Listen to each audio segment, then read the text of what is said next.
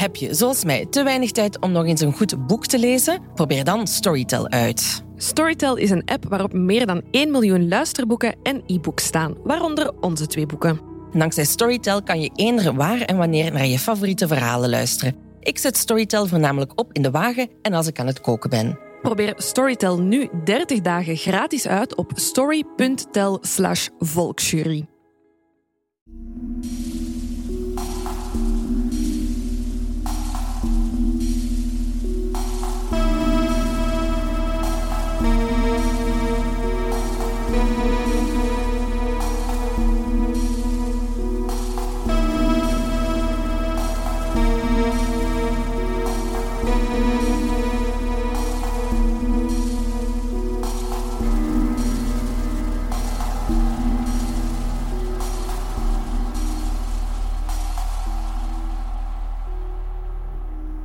Welkom bij aflevering 44 van de Volksjury. Wij zijn Lara en Silke en we zitten nog altijd in quarantaine.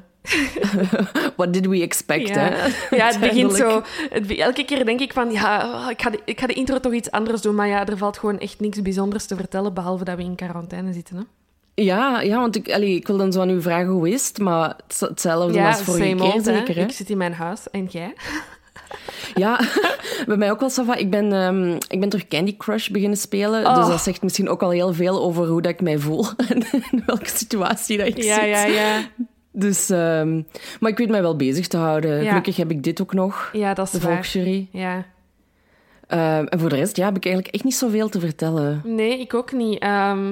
Ik ga veel wandelen. Ik voel mij wel... Ik, ik heb zo lang gedacht, ik voel mij werkloos. Maar ik heb nu beseft dat ik mij gepensioneerd voel. Ah, ja, ja, ja, ja. mijn, ja. Dag, mijn dag draait rond eten, boodschappen doen, wandelen en tv. Ik heb Je al... kunt ook echt ik niks heb anders echt doen. al in, in, allee, in jaren de lineaire tv niet meer zo goed gevolgd als nu. Ik weet welk programma op welke dag is dat ik wil zien en ik kijk dat live, want ik heb toch niks anders te doen. Dus ik voel me gepensioneerd. Ja, mijn ouders hebben daar ook een, een discussie over gehad. Maar mijn papa is al gepensioneerd. Ja. En mijn mama nog niet. Maar mijn mama kan nu ook niet werken. Dus mijn mama heeft zo de hele tijd zo het gevoel van... eh, oh ja, en ik moet dit nu doen en ik kan dat nu doen. En mijn papa zo, maar chill, morgen kun je dat ook nog doen. En mijn mama heeft zo... Hè, omdat hij Mhm. Ja, dat- ja, ja. die mindset al heeft. Maar mijn mama totaal nog niet. Dus die heeft echt zoiets van... Ja, dat gaat nog wat geven als ik ook ooit op pensioen ga. ja, dat is Dus, niet ehm, simpel. ja, dus het, is, ja, het blijft een apart gevoel wel. Ehm, maar ja, normaal gezien weten we vrijdag weer meer, hè? Ja, ja. Ik hoop dat het eh, nu concreet wordt. Hè. Eh, er is vandaag zo'n eh, soort van nota gelekt, hè, wat het exitplan is van België. Ehm, maar daar krijg ik alleen maar meer stress van.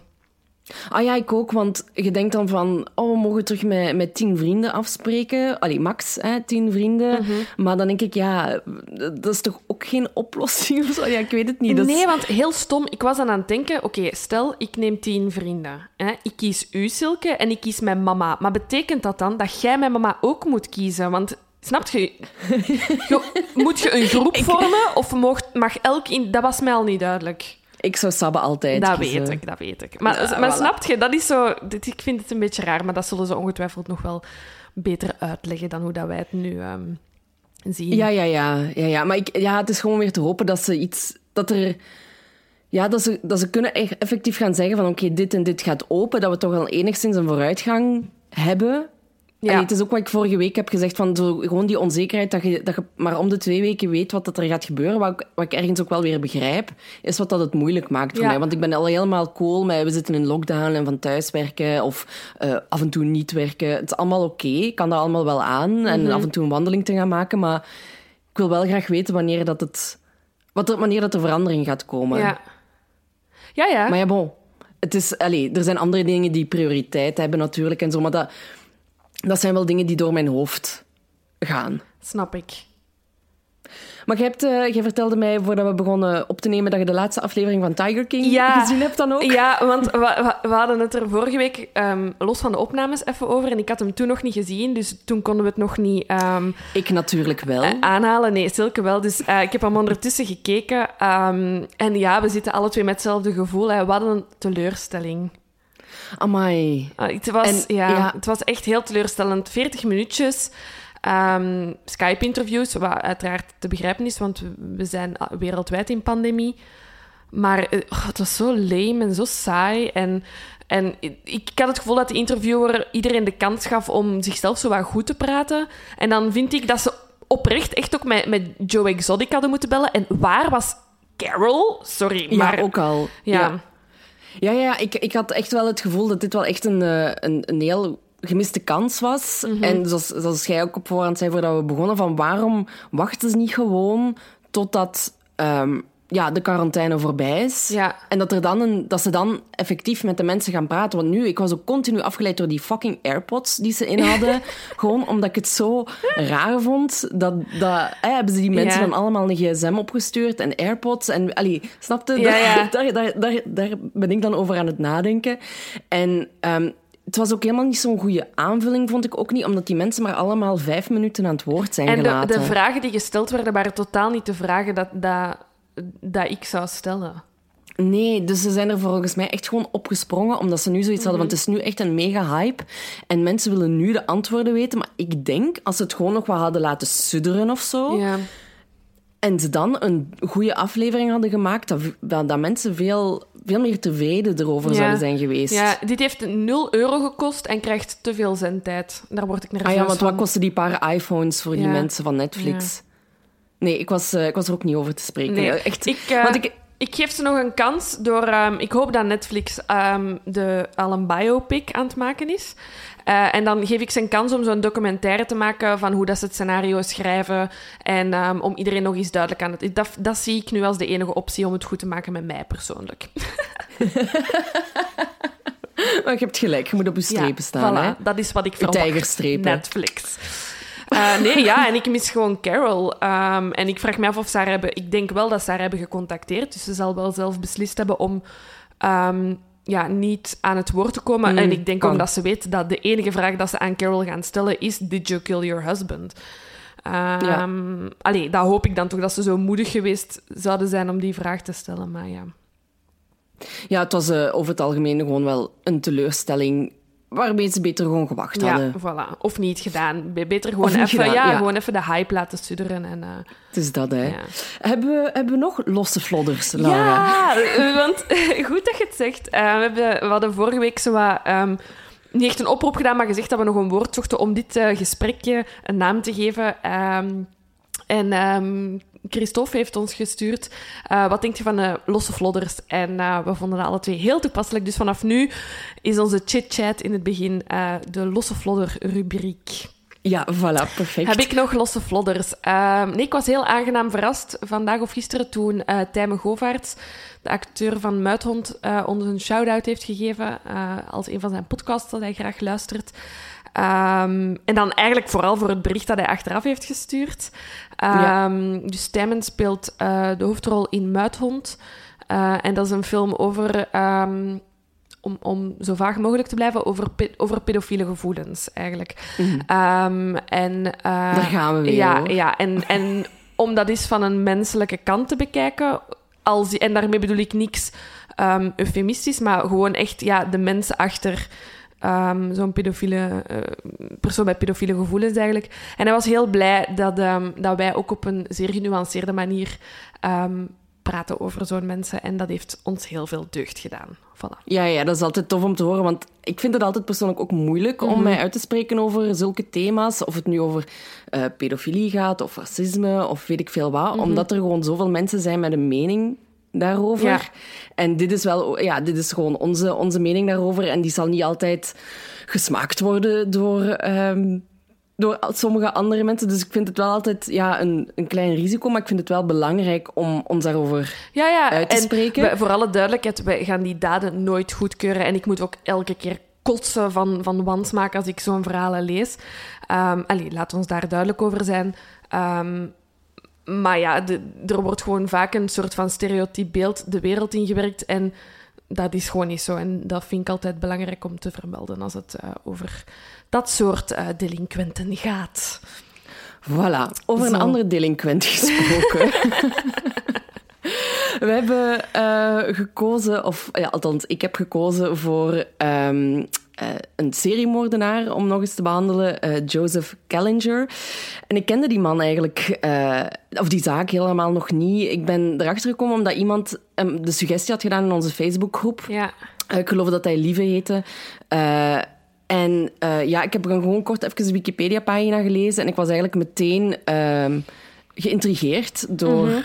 door zijn verhaal. Ja. Um, nu om gewoon al meteen duidelijk te zeggen dat er, dat er op internet he eigenlijk helemaal niet zoveel over hem uh, te vinden is. Eigenlijk heel erg uh, weinig details. Uh, eigenlijk echt gewoon de, de basisfeiten. Maar dan had ik gevonden dat de Last Podcast on the Left ja. twee afleveringen over hem heeft gemaakt. En ja, we hebben ons eigenlijk gewoon gebaseerd op op hun afleveringen om, een, om het zo gedetailleerd mogelijk te maken, omdat ik het wel belangrijk vind dat we dat zo gedetailleerd mogelijk brengen. Ja. Um, omdat, omdat er ook zoveel ja, zaken aan, de, aan, aan, aan deze zaak zijn ja. die zo tot de verbeelding spreken en die gewoon in artikels niet aan bod kwamen. Nee, en vooral wat dat allee, ook belangrijk is, um, als we met onze research beginnen, we zijn uiteraard op die podcast van uh, Les Podcast van de Left gekomen. En het probleem is dat zij zich gebaseerd hebben op een boek uh, dat niet meer uitgegeven wordt. Ja. Anders hadden we dat zeker gelezen en hadden we allee, dichter bij de bron misschien gezeten. Uh, maar dat boek is er gewoon niet meer en niet te vinden. Um, dus we hebben ons moeten baseren op wat dat zij zeggen. En dat dan een beetje samengelegd met de feiten dat we op het internet hebben teruggevonden. Ja. Voilà. Want dat, dat boek, um, het verhaal erachter is blijkbaar dat uh, Joseph um, met de journalisten zou samengewerkt hebben om dat, om dat boek te schrijven. En hij zou 25% van de winst uh, krijgen. Mhm. Mm -hmm. Maar um, ja, nabestaanden hebben dan zo, van, van de slachtoffers hebben dan gezegd van ja, dit kan gewoon echt niet, dit willen we niet. En dan is er een verbod gekomen om uh, het boek opnieuw te drukken. Nu, ik heb wel nog een ander boek gevonden. Mm -hmm.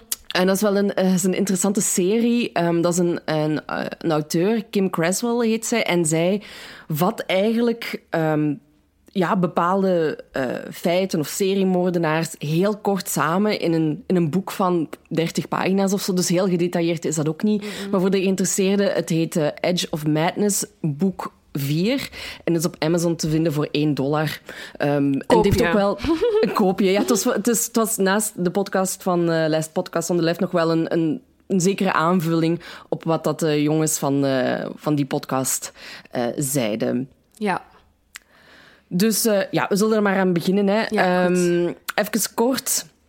Uh, Joseph Callinger, dat was eigenlijk dus een, een Amerikaanse seriemoordenaar die vooral in de jaren 70 actief was, samen met zijn 12-jarige zoon Michael. 12-jarige um, zoon, dat heb je goed ja, gehoord. Dat was, dat was eigenlijk hetgene wat mij uh, getriggerd heeft om ja. deze zaak te doen. Um, en hij was dan uiteindelijk verantwoordelijk voor drie moorden. Um, en wat wel belangrijk is om te weten, is dat Joseph uh, paranoïde schizofreen was. Ja. Um, en hij geeft aan dat zijn hallucinaties die hij had, hem de opdracht gaven om uh, mensen te vermoorden. Ja. Nu, um, ik ga even ook de definitie van uh, paranoïde schizofrenie geven, die rechtstreeks van Wikipedia gekopieerd is. Mm -hmm.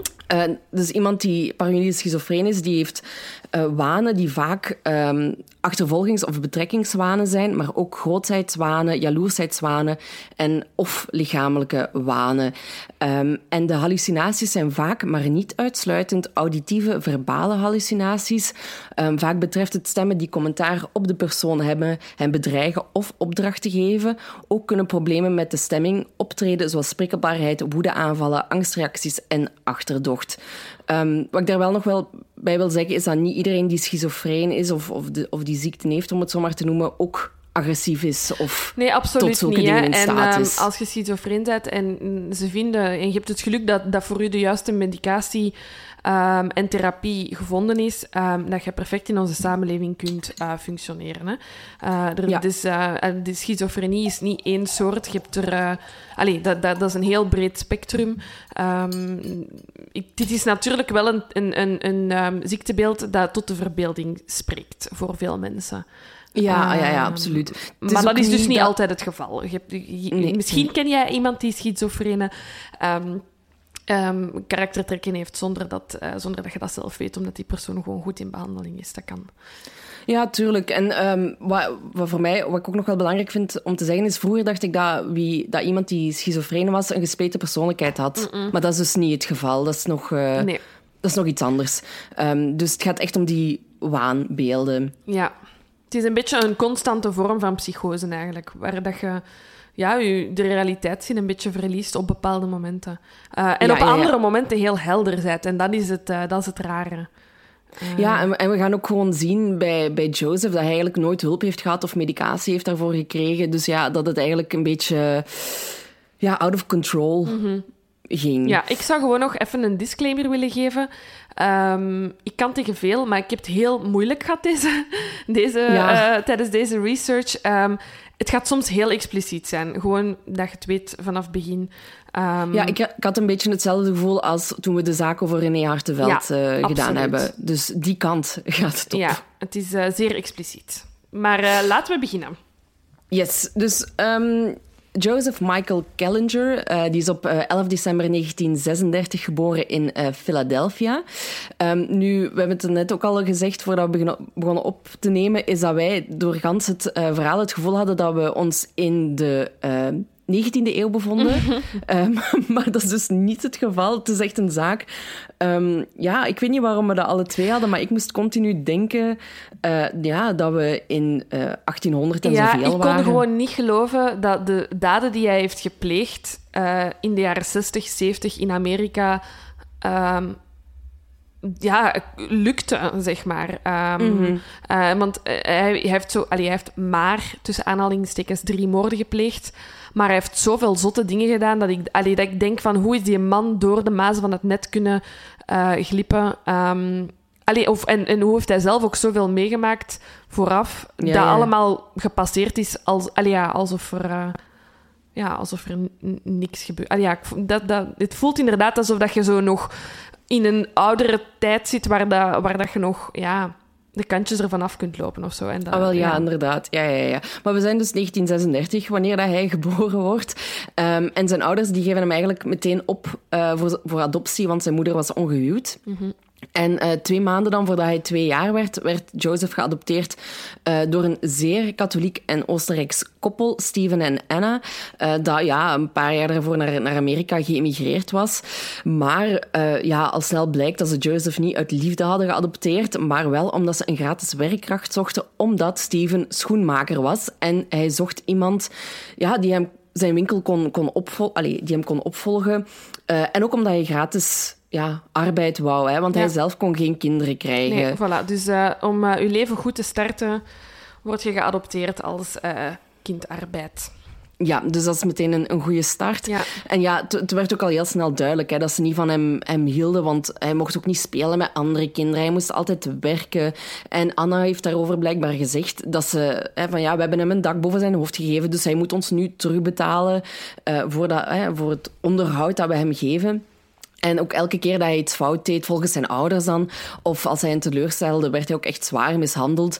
Ehm, hij is op zijn hoofd geslagen met een hamer. Hij is ehm, met een speciale zweep, ehm, een kat met negen staarten zweep, heb ik het even letterlijk verteld. Geslagen. Eh, ze sloten hem op in kasten. Ze hebben hem verbrand met een strijkijzer. Ze dwongen Joseph zelfs om uitwerpselen te eten.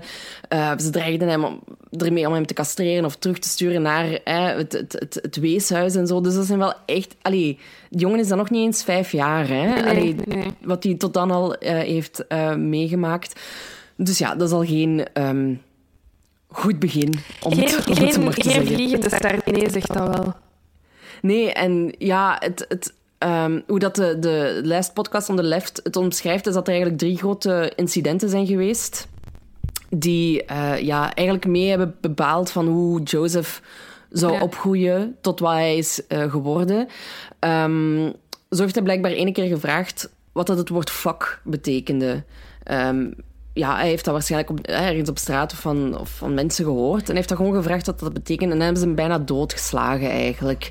Echt Ehm, ja, en dan is er ook nog een, eh, ja, een, een klein plagerijtje van Jozef, om het zo maar even te zeggen. Van ja, hij, weet, je- hij heeft een, een, een broek van een meisje naar beneden getrokken. En ik denk niet dat hem daar ergens echt wel iets mee bedoelde verder of zo.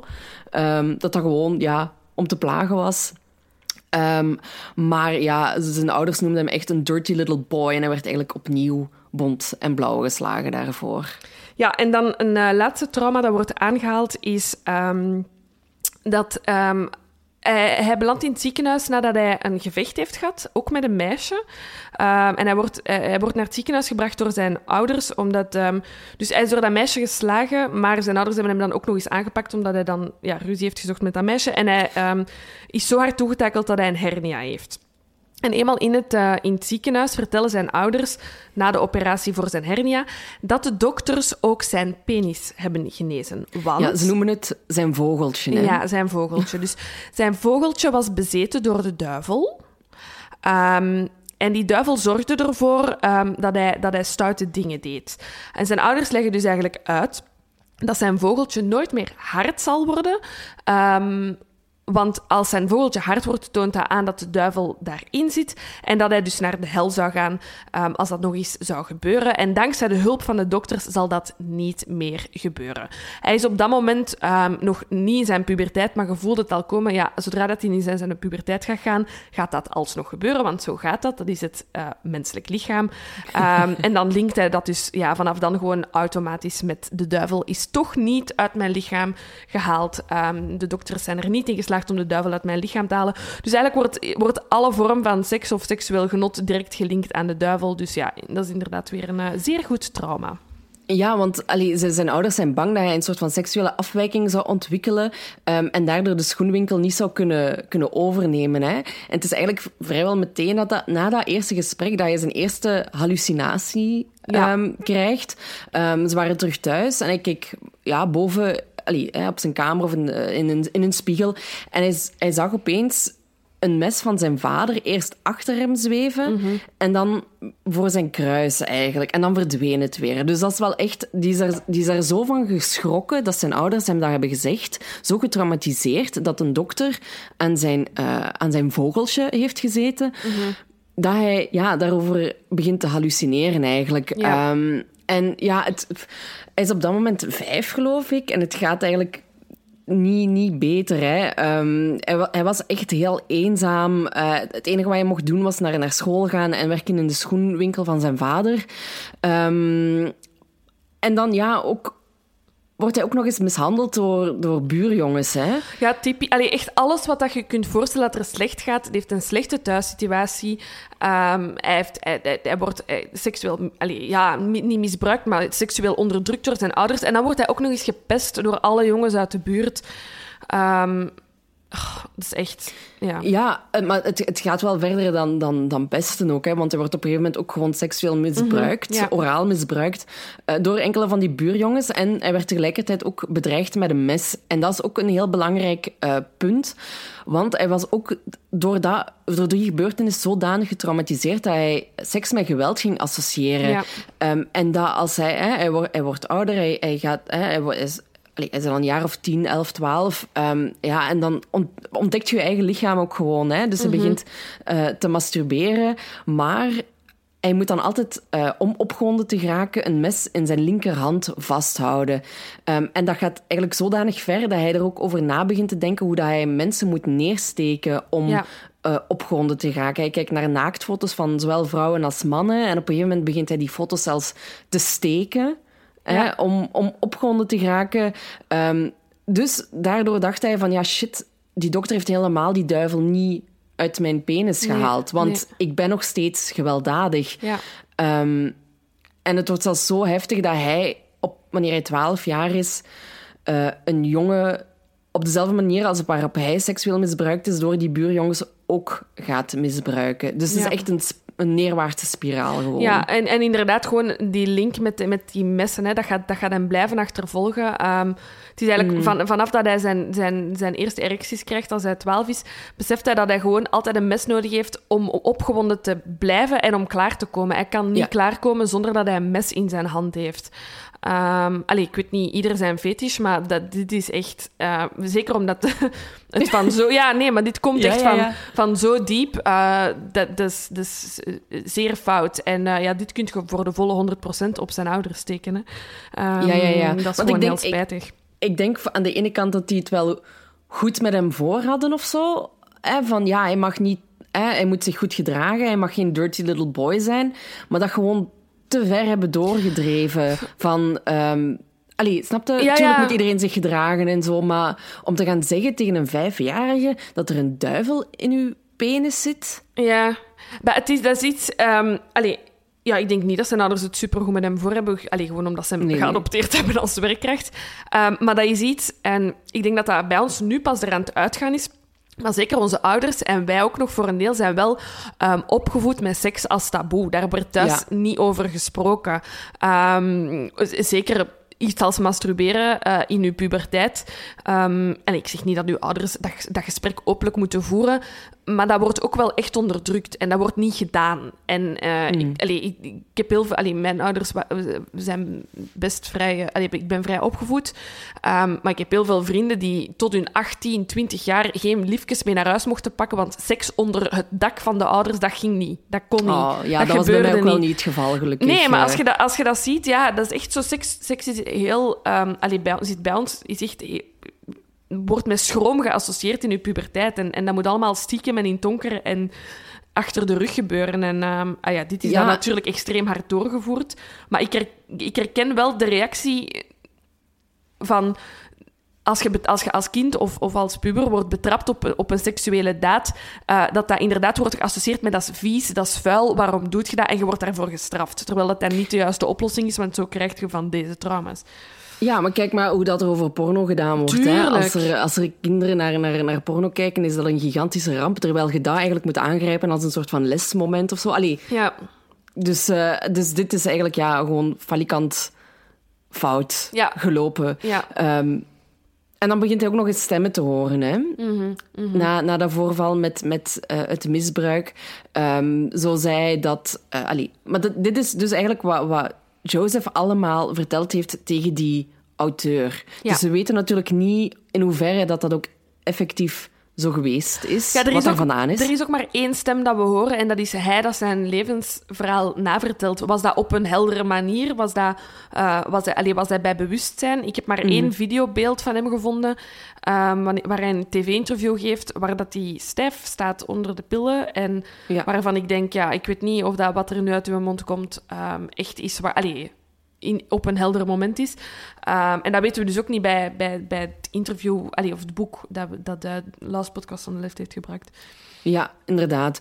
Ehm, maar goed, heeft wel een levendige fantasie, mocht het niet waar zijn. dus hij zegt dat er dan op een gegeven moment ehm, de duivel of een demon tegen hem is eh, beginnen praten. Ehm, en die, hij, die, die duivel heeft tegen Joseph gezegd dat hij iemand moest opensnijden. Dus hij is dan ongeveer 12 jaar. Hè? Ehm, en hij is, hij is dan een bus opgestapt en eh, heeft dan gezien hoe een tijdje later dan een andere jongen is uitgestapt. Die heeft de, heeft de jongen het bos mee ingevolgd. Heeft die jongen met een mes gedwongen om zijn broek uit te doen. Maar Joseph heeft dan toch zoiets...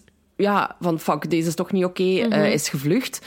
En heeft dat nog drie keer gedaan in de maanden nadien. En het Ja. is pas bij de laatste keer dat hij effectief tot een bepaalde daad overgaat. Ehm, dus hij heeft de penis van de jongen in zijn mond genomen, erin gebeten, terwijl hij een mes vast had. Ja. Wat, allee, dus wat volgens Joseph de duivel aan hem had opgedragen. Dus hij is zodanig gefixeerd op zijn geslachtsdeel al. Hè. Gewoon Ja. door wat dat zijn ouders tegen hem hebben gezegd. Ja. Plus dan de hallucinaties en de schizofrenie die er ook Ja. nog eens bij komt kijken natuurlijk. Ehm, ja, Ehm, wat dan misschien ook goed is om te, allee, belangrijk is om te vermelden, dat dus eh, inderdaad de hallucinaties en de stemmen die hij nu hoort, de duivel zijn. Waarvan Ja. hij dus, omdat hij ook zo katholiek is opgevoed en om, omwille van de invloed van zijn ouders, hij wel beseft dat dat een negatieve stem is. En dat hij dus wel nog af en toe daar tegenin durft gaan, omdat het juist de duivel is. Eh, dat Klopt, gaat ja. veranderen, die stem gaat iemand anders worden. Maar op dit moment is dat nog de duivel, dus kan hij af en toe zijn ja, daden toch tegenhouden allee, of stoppen, omdat hij zoiets heeft van, ja, ik ga toch niet akkoord met wat de duivel mij nu opdraagt. ja inderdaad. inderdaad. Eh, ik heb nu een lichtpuntje in zijn leven. Ehm, dus zoals we hebben gezegd, zijn vader is schoenmaker ehm, en hij, hij moet daar dag in dag uit gaan helpen. Eh, ik heb wel het gevoel dat hij wel naar school gaat, eh, maar dus al zijn andere vrije tijd in die schoenwinkel of bij, in die, bij die schoenmaker moet doorbrengen. Ehm, maar dan ontdekt hij ehm, door een ehm, lokale YMCA, ja, ik weet niet hoe dat je dat naar ehm, Belgische of Nederlandse dat is een soort van, ja, niet jeugdbeweging, maar een soort van jeugdhuis eigenlijk. Ja, een Eh, jeugdcentrum, ja. ja. ja. En en da- daar gaan ze met kerstmis een, een theaterstuk brengen, ehm, A Christmas Carol, bij ons ook gekend. En hij heeft zoiets van, weet je wat, ik, ik wil meedoen.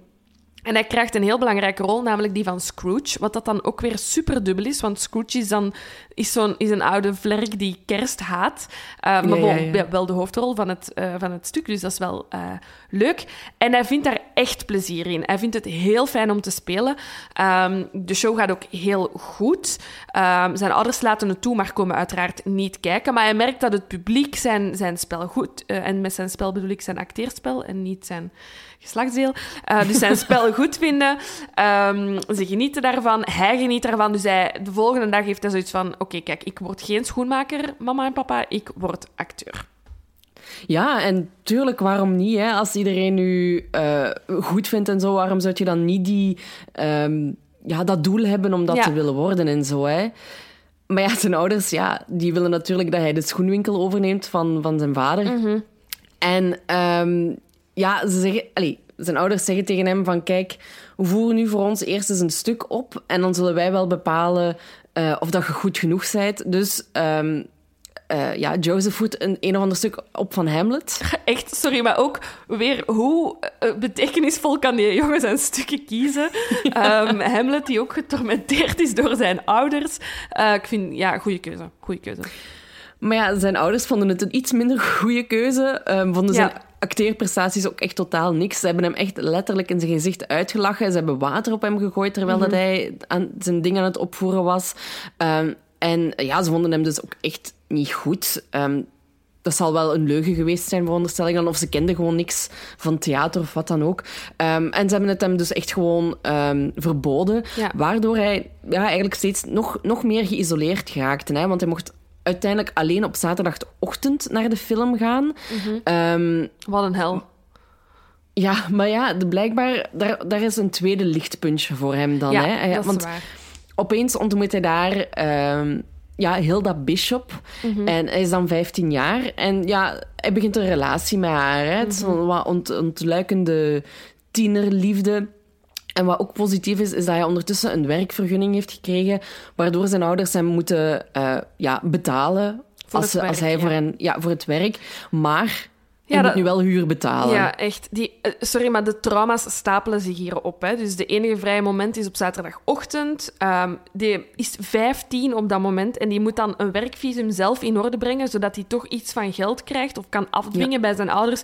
En dat moet hij dan direct terug afgeven als huur. Ja, dat is, dat is gewoon grof. Dat is gewoon... Dus allee, ik, in, ik, soms eh, word ik daar nerveus van als je advocaten hoort pleiten van ja, verzachtende omstandigheden, want je hebt toch een moeilijke jeugd gehad. Maar hier ben ik echt, ik voel hem echt zo hard. Ehm, tot hier had ik ook echt heel veel medelijden met, eh, met Joseph Kellinger. Ehm, ja. Ja, want hij kan er verder ook niks Nee. aan nee. doen. Hij wordt, eh, zijn, zijn, er is, buiten zijn familie, zijn mama en zijn papa, heeft hij niemand rond hem met wie hij is, ja, zijn gedachten kan verzetten. Of er is niemand dat ingrijpt. Dat, maar dat vind ik dus ook zo raar, want hij gaat wel naar het school en hij ontmoet wel andere mensen. Het kan toch niet dat niemand heeft gezien dat die ouders hun kind zo misbruiken? Ja, maar pas op, we zijn, het is ook eh, tijden van, van oorlog en zo, denk ik ook. Hè. Dat komt er ook nog tussendoor. Ja. Allee, hè, dat, dat is wel niet als hij 15 is natuurlijk, dat is, dat is daarna.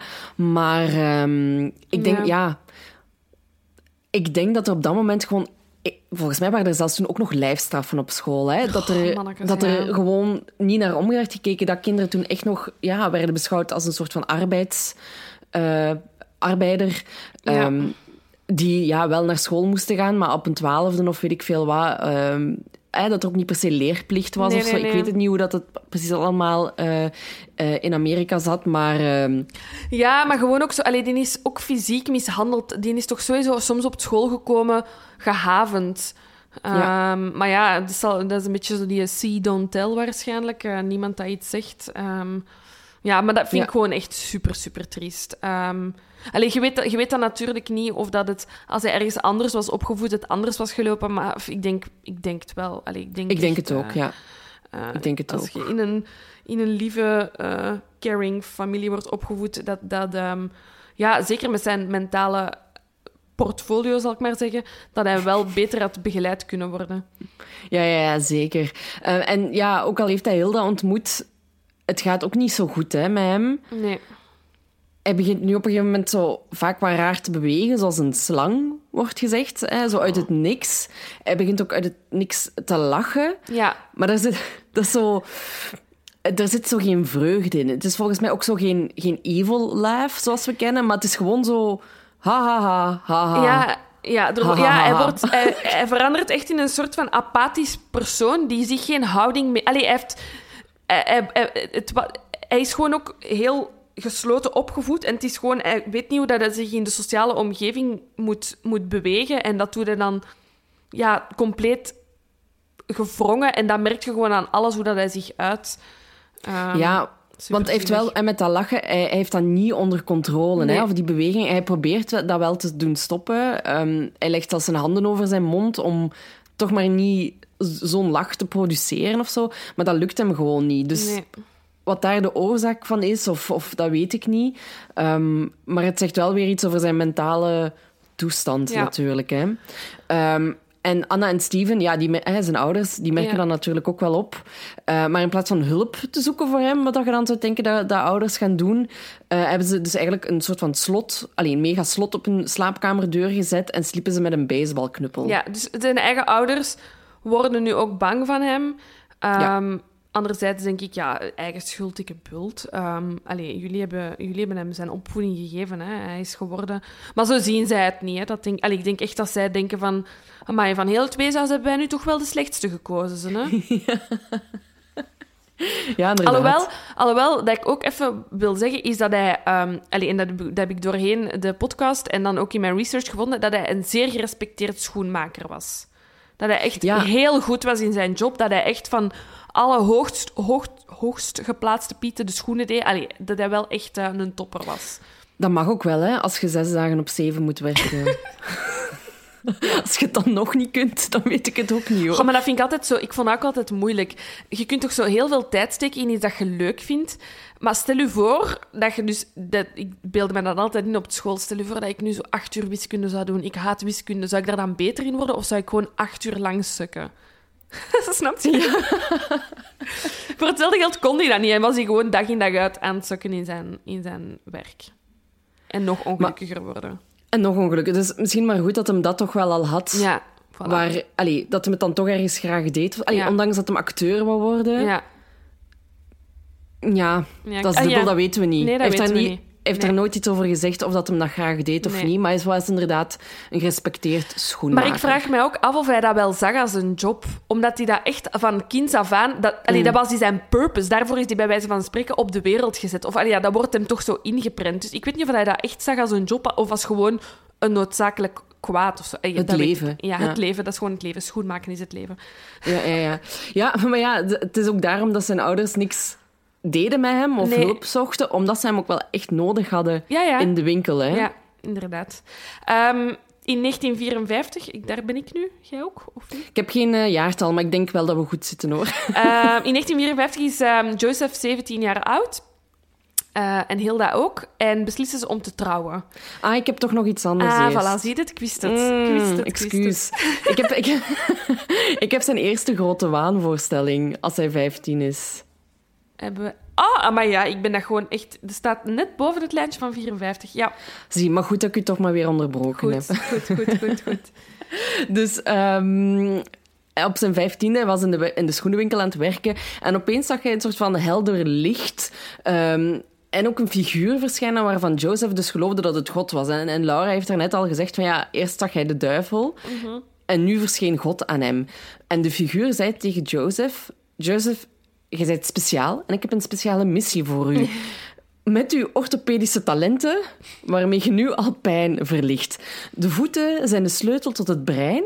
En uw missie is om het brein te controleren door de voeten. Zo geneest je uzelf en de mensheid. Dus, wat betekent dat? Joseph zou de redder van het universum worden door met voeten bezig te zijn.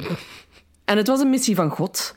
Dus hij aanvaarde die missie. Ja. Hè? In tegenstelling tot met de duivel Ja, dit, dit zag hij echt als iets positiefs. En op zich is het ook geen heel negatieve verschijning. Je kunt, Met deze info kun je nog alle kanten op, vind ik. Ehm, hij had ook een voetfetish kunnen krijgen, wat hij niet krijgt. Dus ook- op zich vind ik het, ik vind het niet zo'n rare visie. Ehm, ik vond het ook heel leuk dat ehm, de podcast heel lang heeft gewacht met te zeggen wat dat hij dan, dan, hoe dat hij het dan expliciet heeft uitgevoerd, eh, deze missie. Ehm, dus ik wil er zelf ook misschien nog even mee wachten. ehm, om te Dat is goed, dan kunnen we, dan kunnen we verder met het, eh, met het huwelijk. met het huwelijk. Oké, we zijn in 1954. En eh, ja, Joseph en Hilda zijn beide 17 jaar oud. 17. Ehm, Hoe oud precies? z- 17. 17. Geen 18. Geen 16. 17 going on 18, hè? Ja. Ja, ik vind het is bijzonder jong en dat, het is weer al zo schrijnend. Ze hebben het, eh, ik denk dat Hilda ook niet uit de beste omstandigheden thuiskomt. En ik denk dat ze beide zoiets hebben van, weten hoeveel erger kan het worden? Misschien is het beter dat we gewoon trouwen, nu op ons 17, en samen gaan wonen. Eh allee, veel slechter dan onze huidige thuissituatie kan het niet zijn.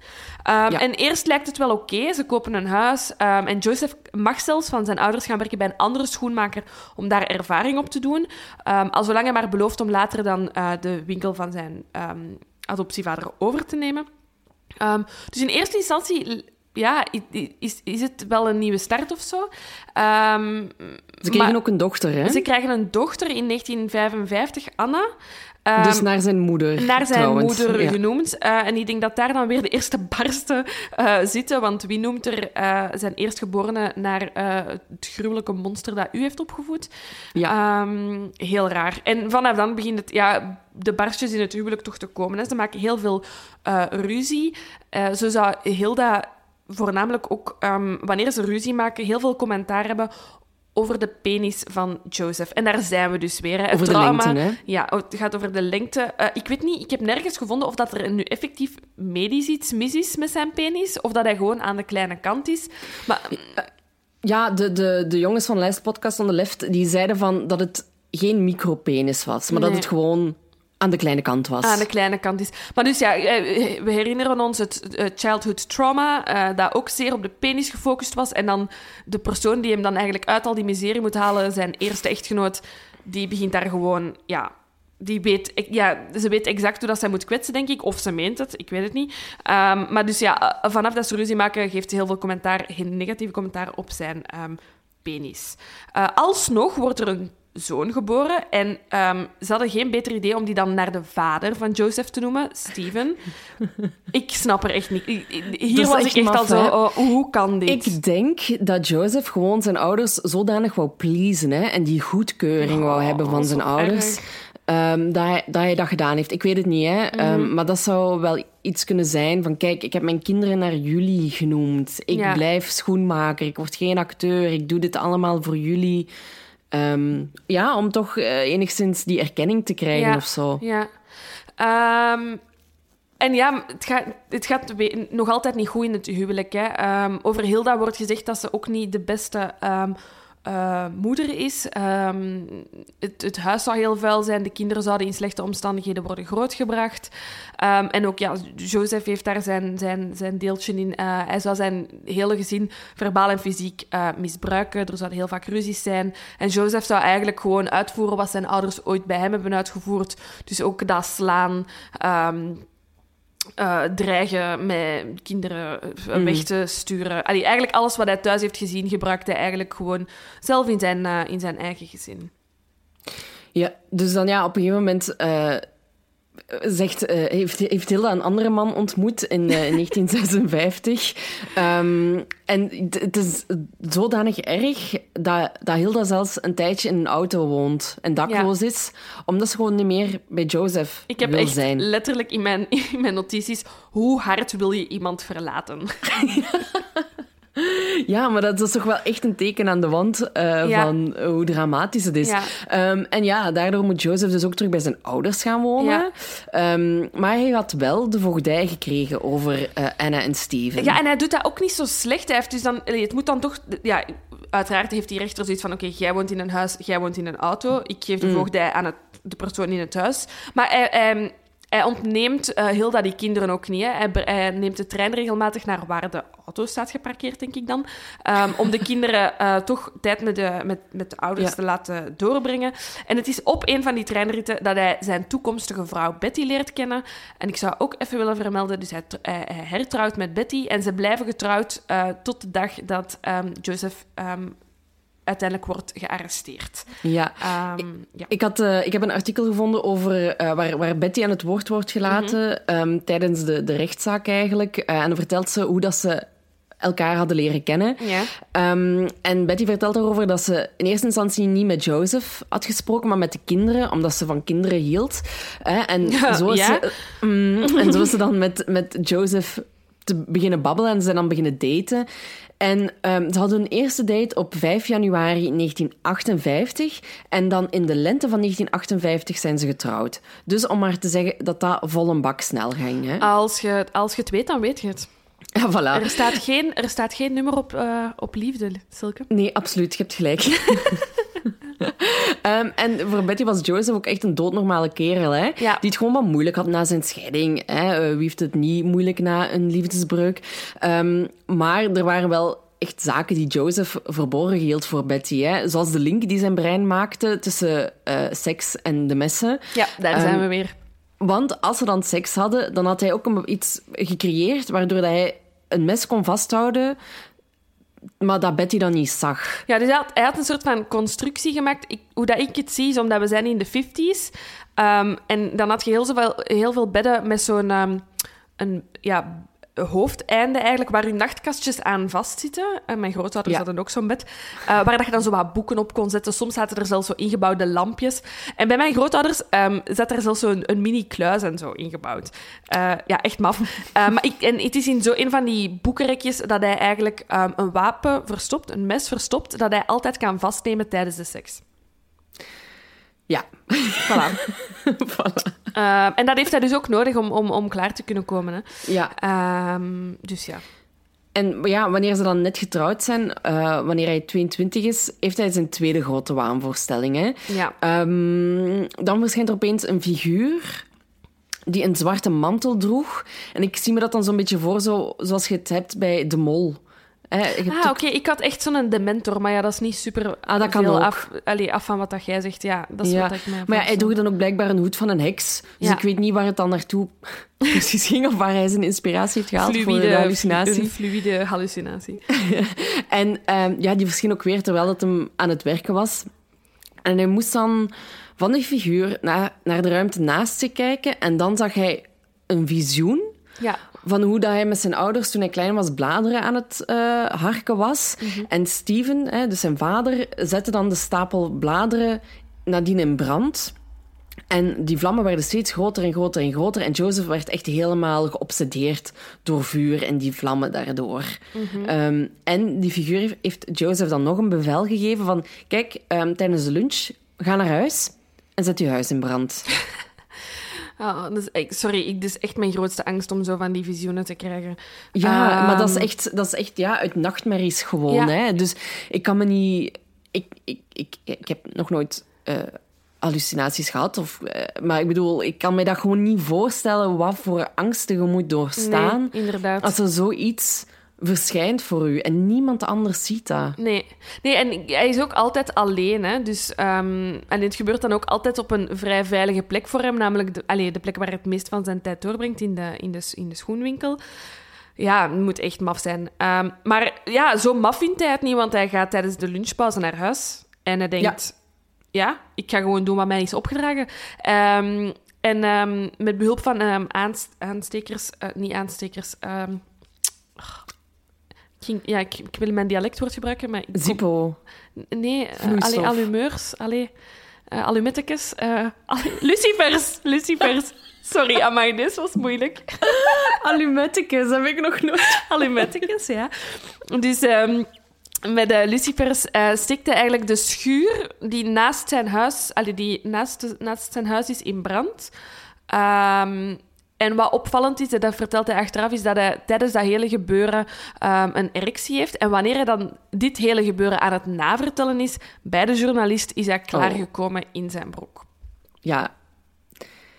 Ja, ja ik, ik, ik vraag me dan af hoe dat die journaliste daarop gereageerd heeft. Ongelooflijk, echt. Want ze heeft het Ehm, uiteindelijk wel in haar boek gezet. Dus dat wil niet zeggen dat Joseph het verborgen heeft gehouden voor haar. Of, of zich daarvoor schaamde of zo. Nee, nee. ehm, nee, ja, en dit is natuurlijk weer gevaarlijk, omdat voor, voordien was dat klaarkomen altijd gelinkt aan messen, maar nu gaat het dan... Ja, ook dat vuur komt er nu ook nog eens bij.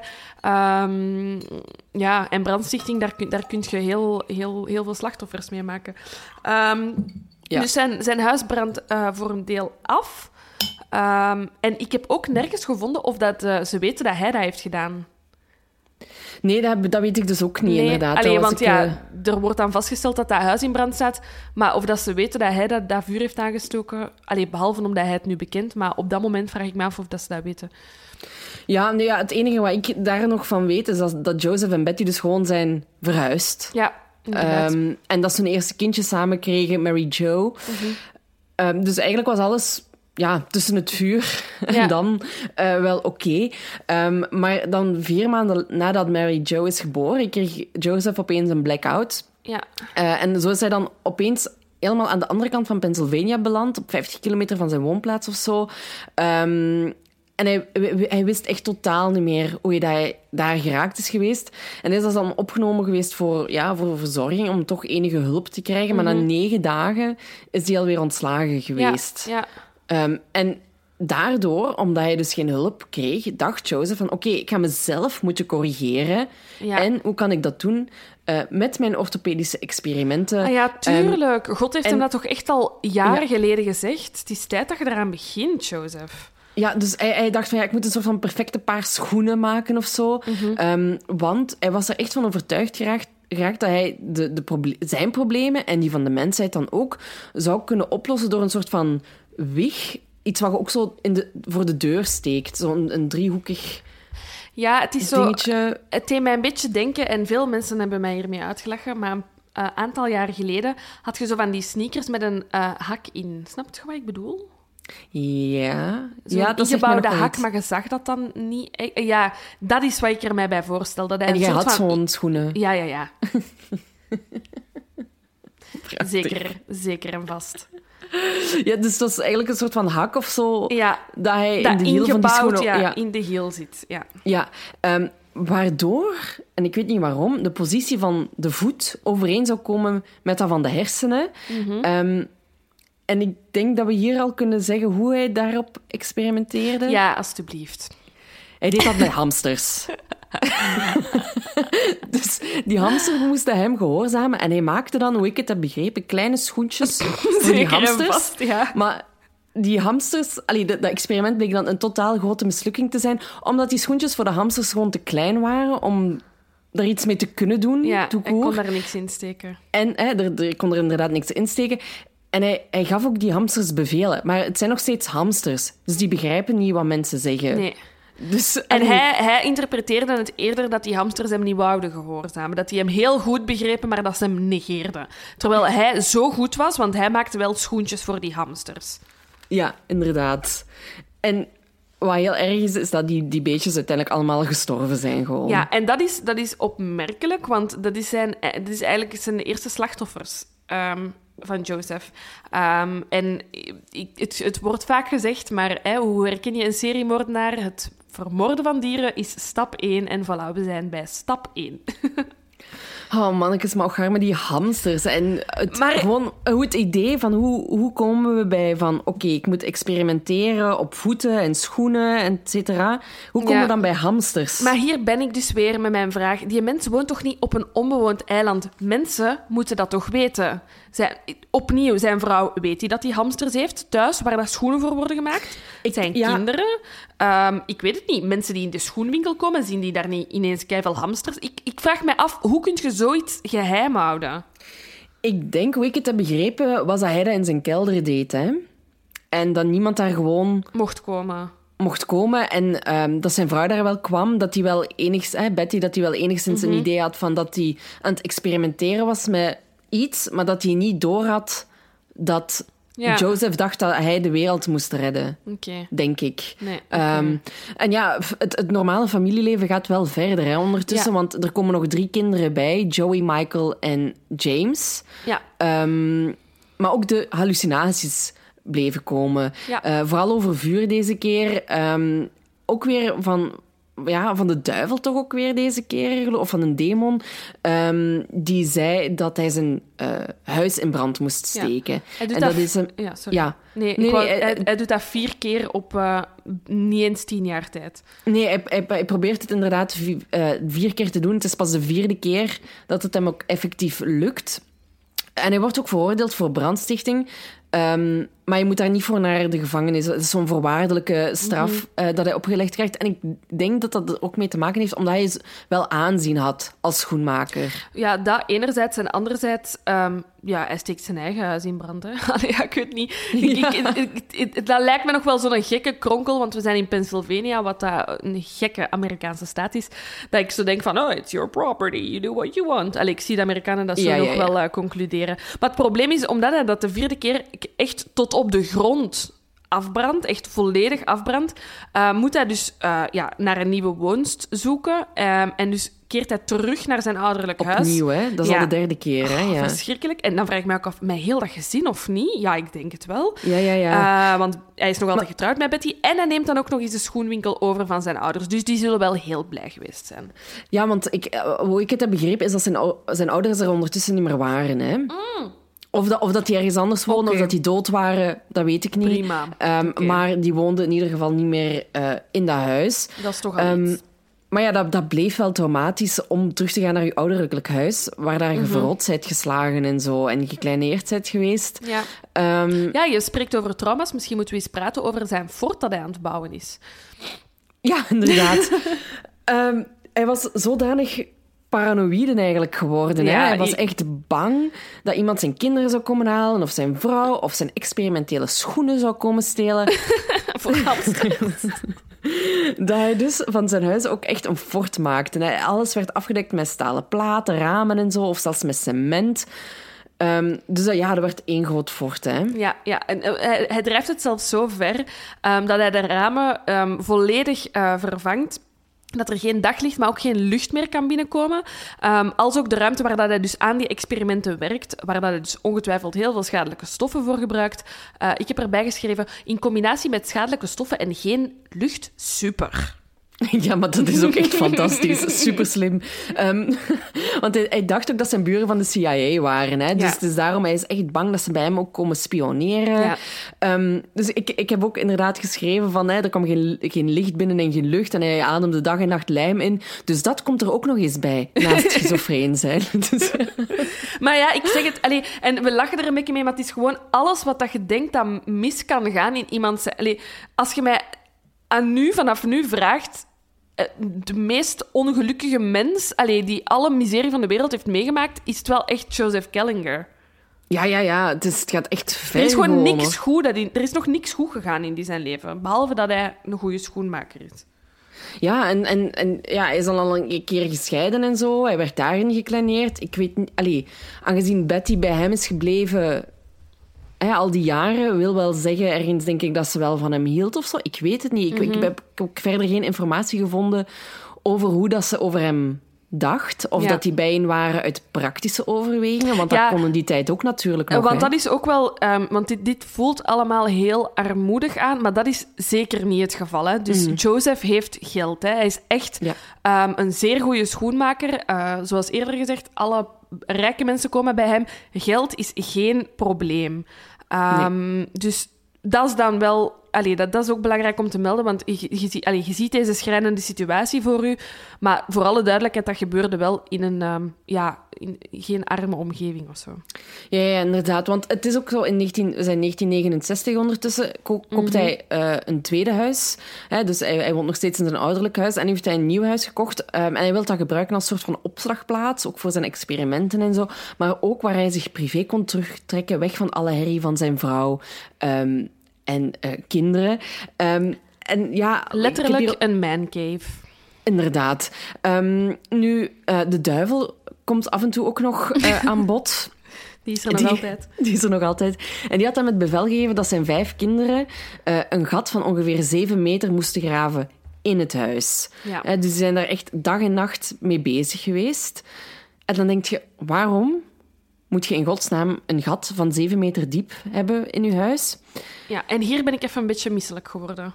Ja, dit is echt... Ik dacht, dit kan toch Ik, ook, niet? ik heb dat ook even, even moeten stoppen en zo. Ik ga dan nog eens luisteren. Heb ik dat goed gehoord? Nee, deze kan niet. Maar ja, het kan dus wel, hè. Ehm, dus ja, hij laat zijn kinderen een gat graven van 7 meter diep, waar hij zich in wil terugtrekken, omdat hij dus in dat gat de beste ideeën zou krijgen. En de duivel zou hem ook niet lastig vallen. Hij zou daar geen stemmen horen. Ook ja, dus niet, daar zou hij veilig zijn. Maar wat, allee, wat hem dus echt ja, tot rust brengt in dat gat, is ehm, eenmaal beneden ehm, masturbeerde en of ontlastte hij zich. Ehm, en met, Gezellig. dus, ja, en met dus die uitwerpselen of dat sperma vulde hij het gat terug op tot boven. Allee, Zeven voor- meter diep, hè? voor alle duidelijkheid, hij is niet tot boven geraakt. Of dat hoop ik toch. Maar ja, dus ik weet ja, niet, hoor. Allee, die- dus na een tijd zit hij tussen zijn eigen sperma en, en kak Ja. te denken, want daar denkt hij het helderst. ja, want hij dacht ook dat het hem een soort van kracht gaf. Ja, ik heb, niet opges- wat voor kracht ik heb of zo. opgeschreven hoe groter de kak, hoe beter het idee. Ja, voilà, kijk. dat, is, dat is wat dat hij zei. Ehm, dus ja, voor iedereen die twijfelde of dat hij helemaal is doorgeslagen, ja.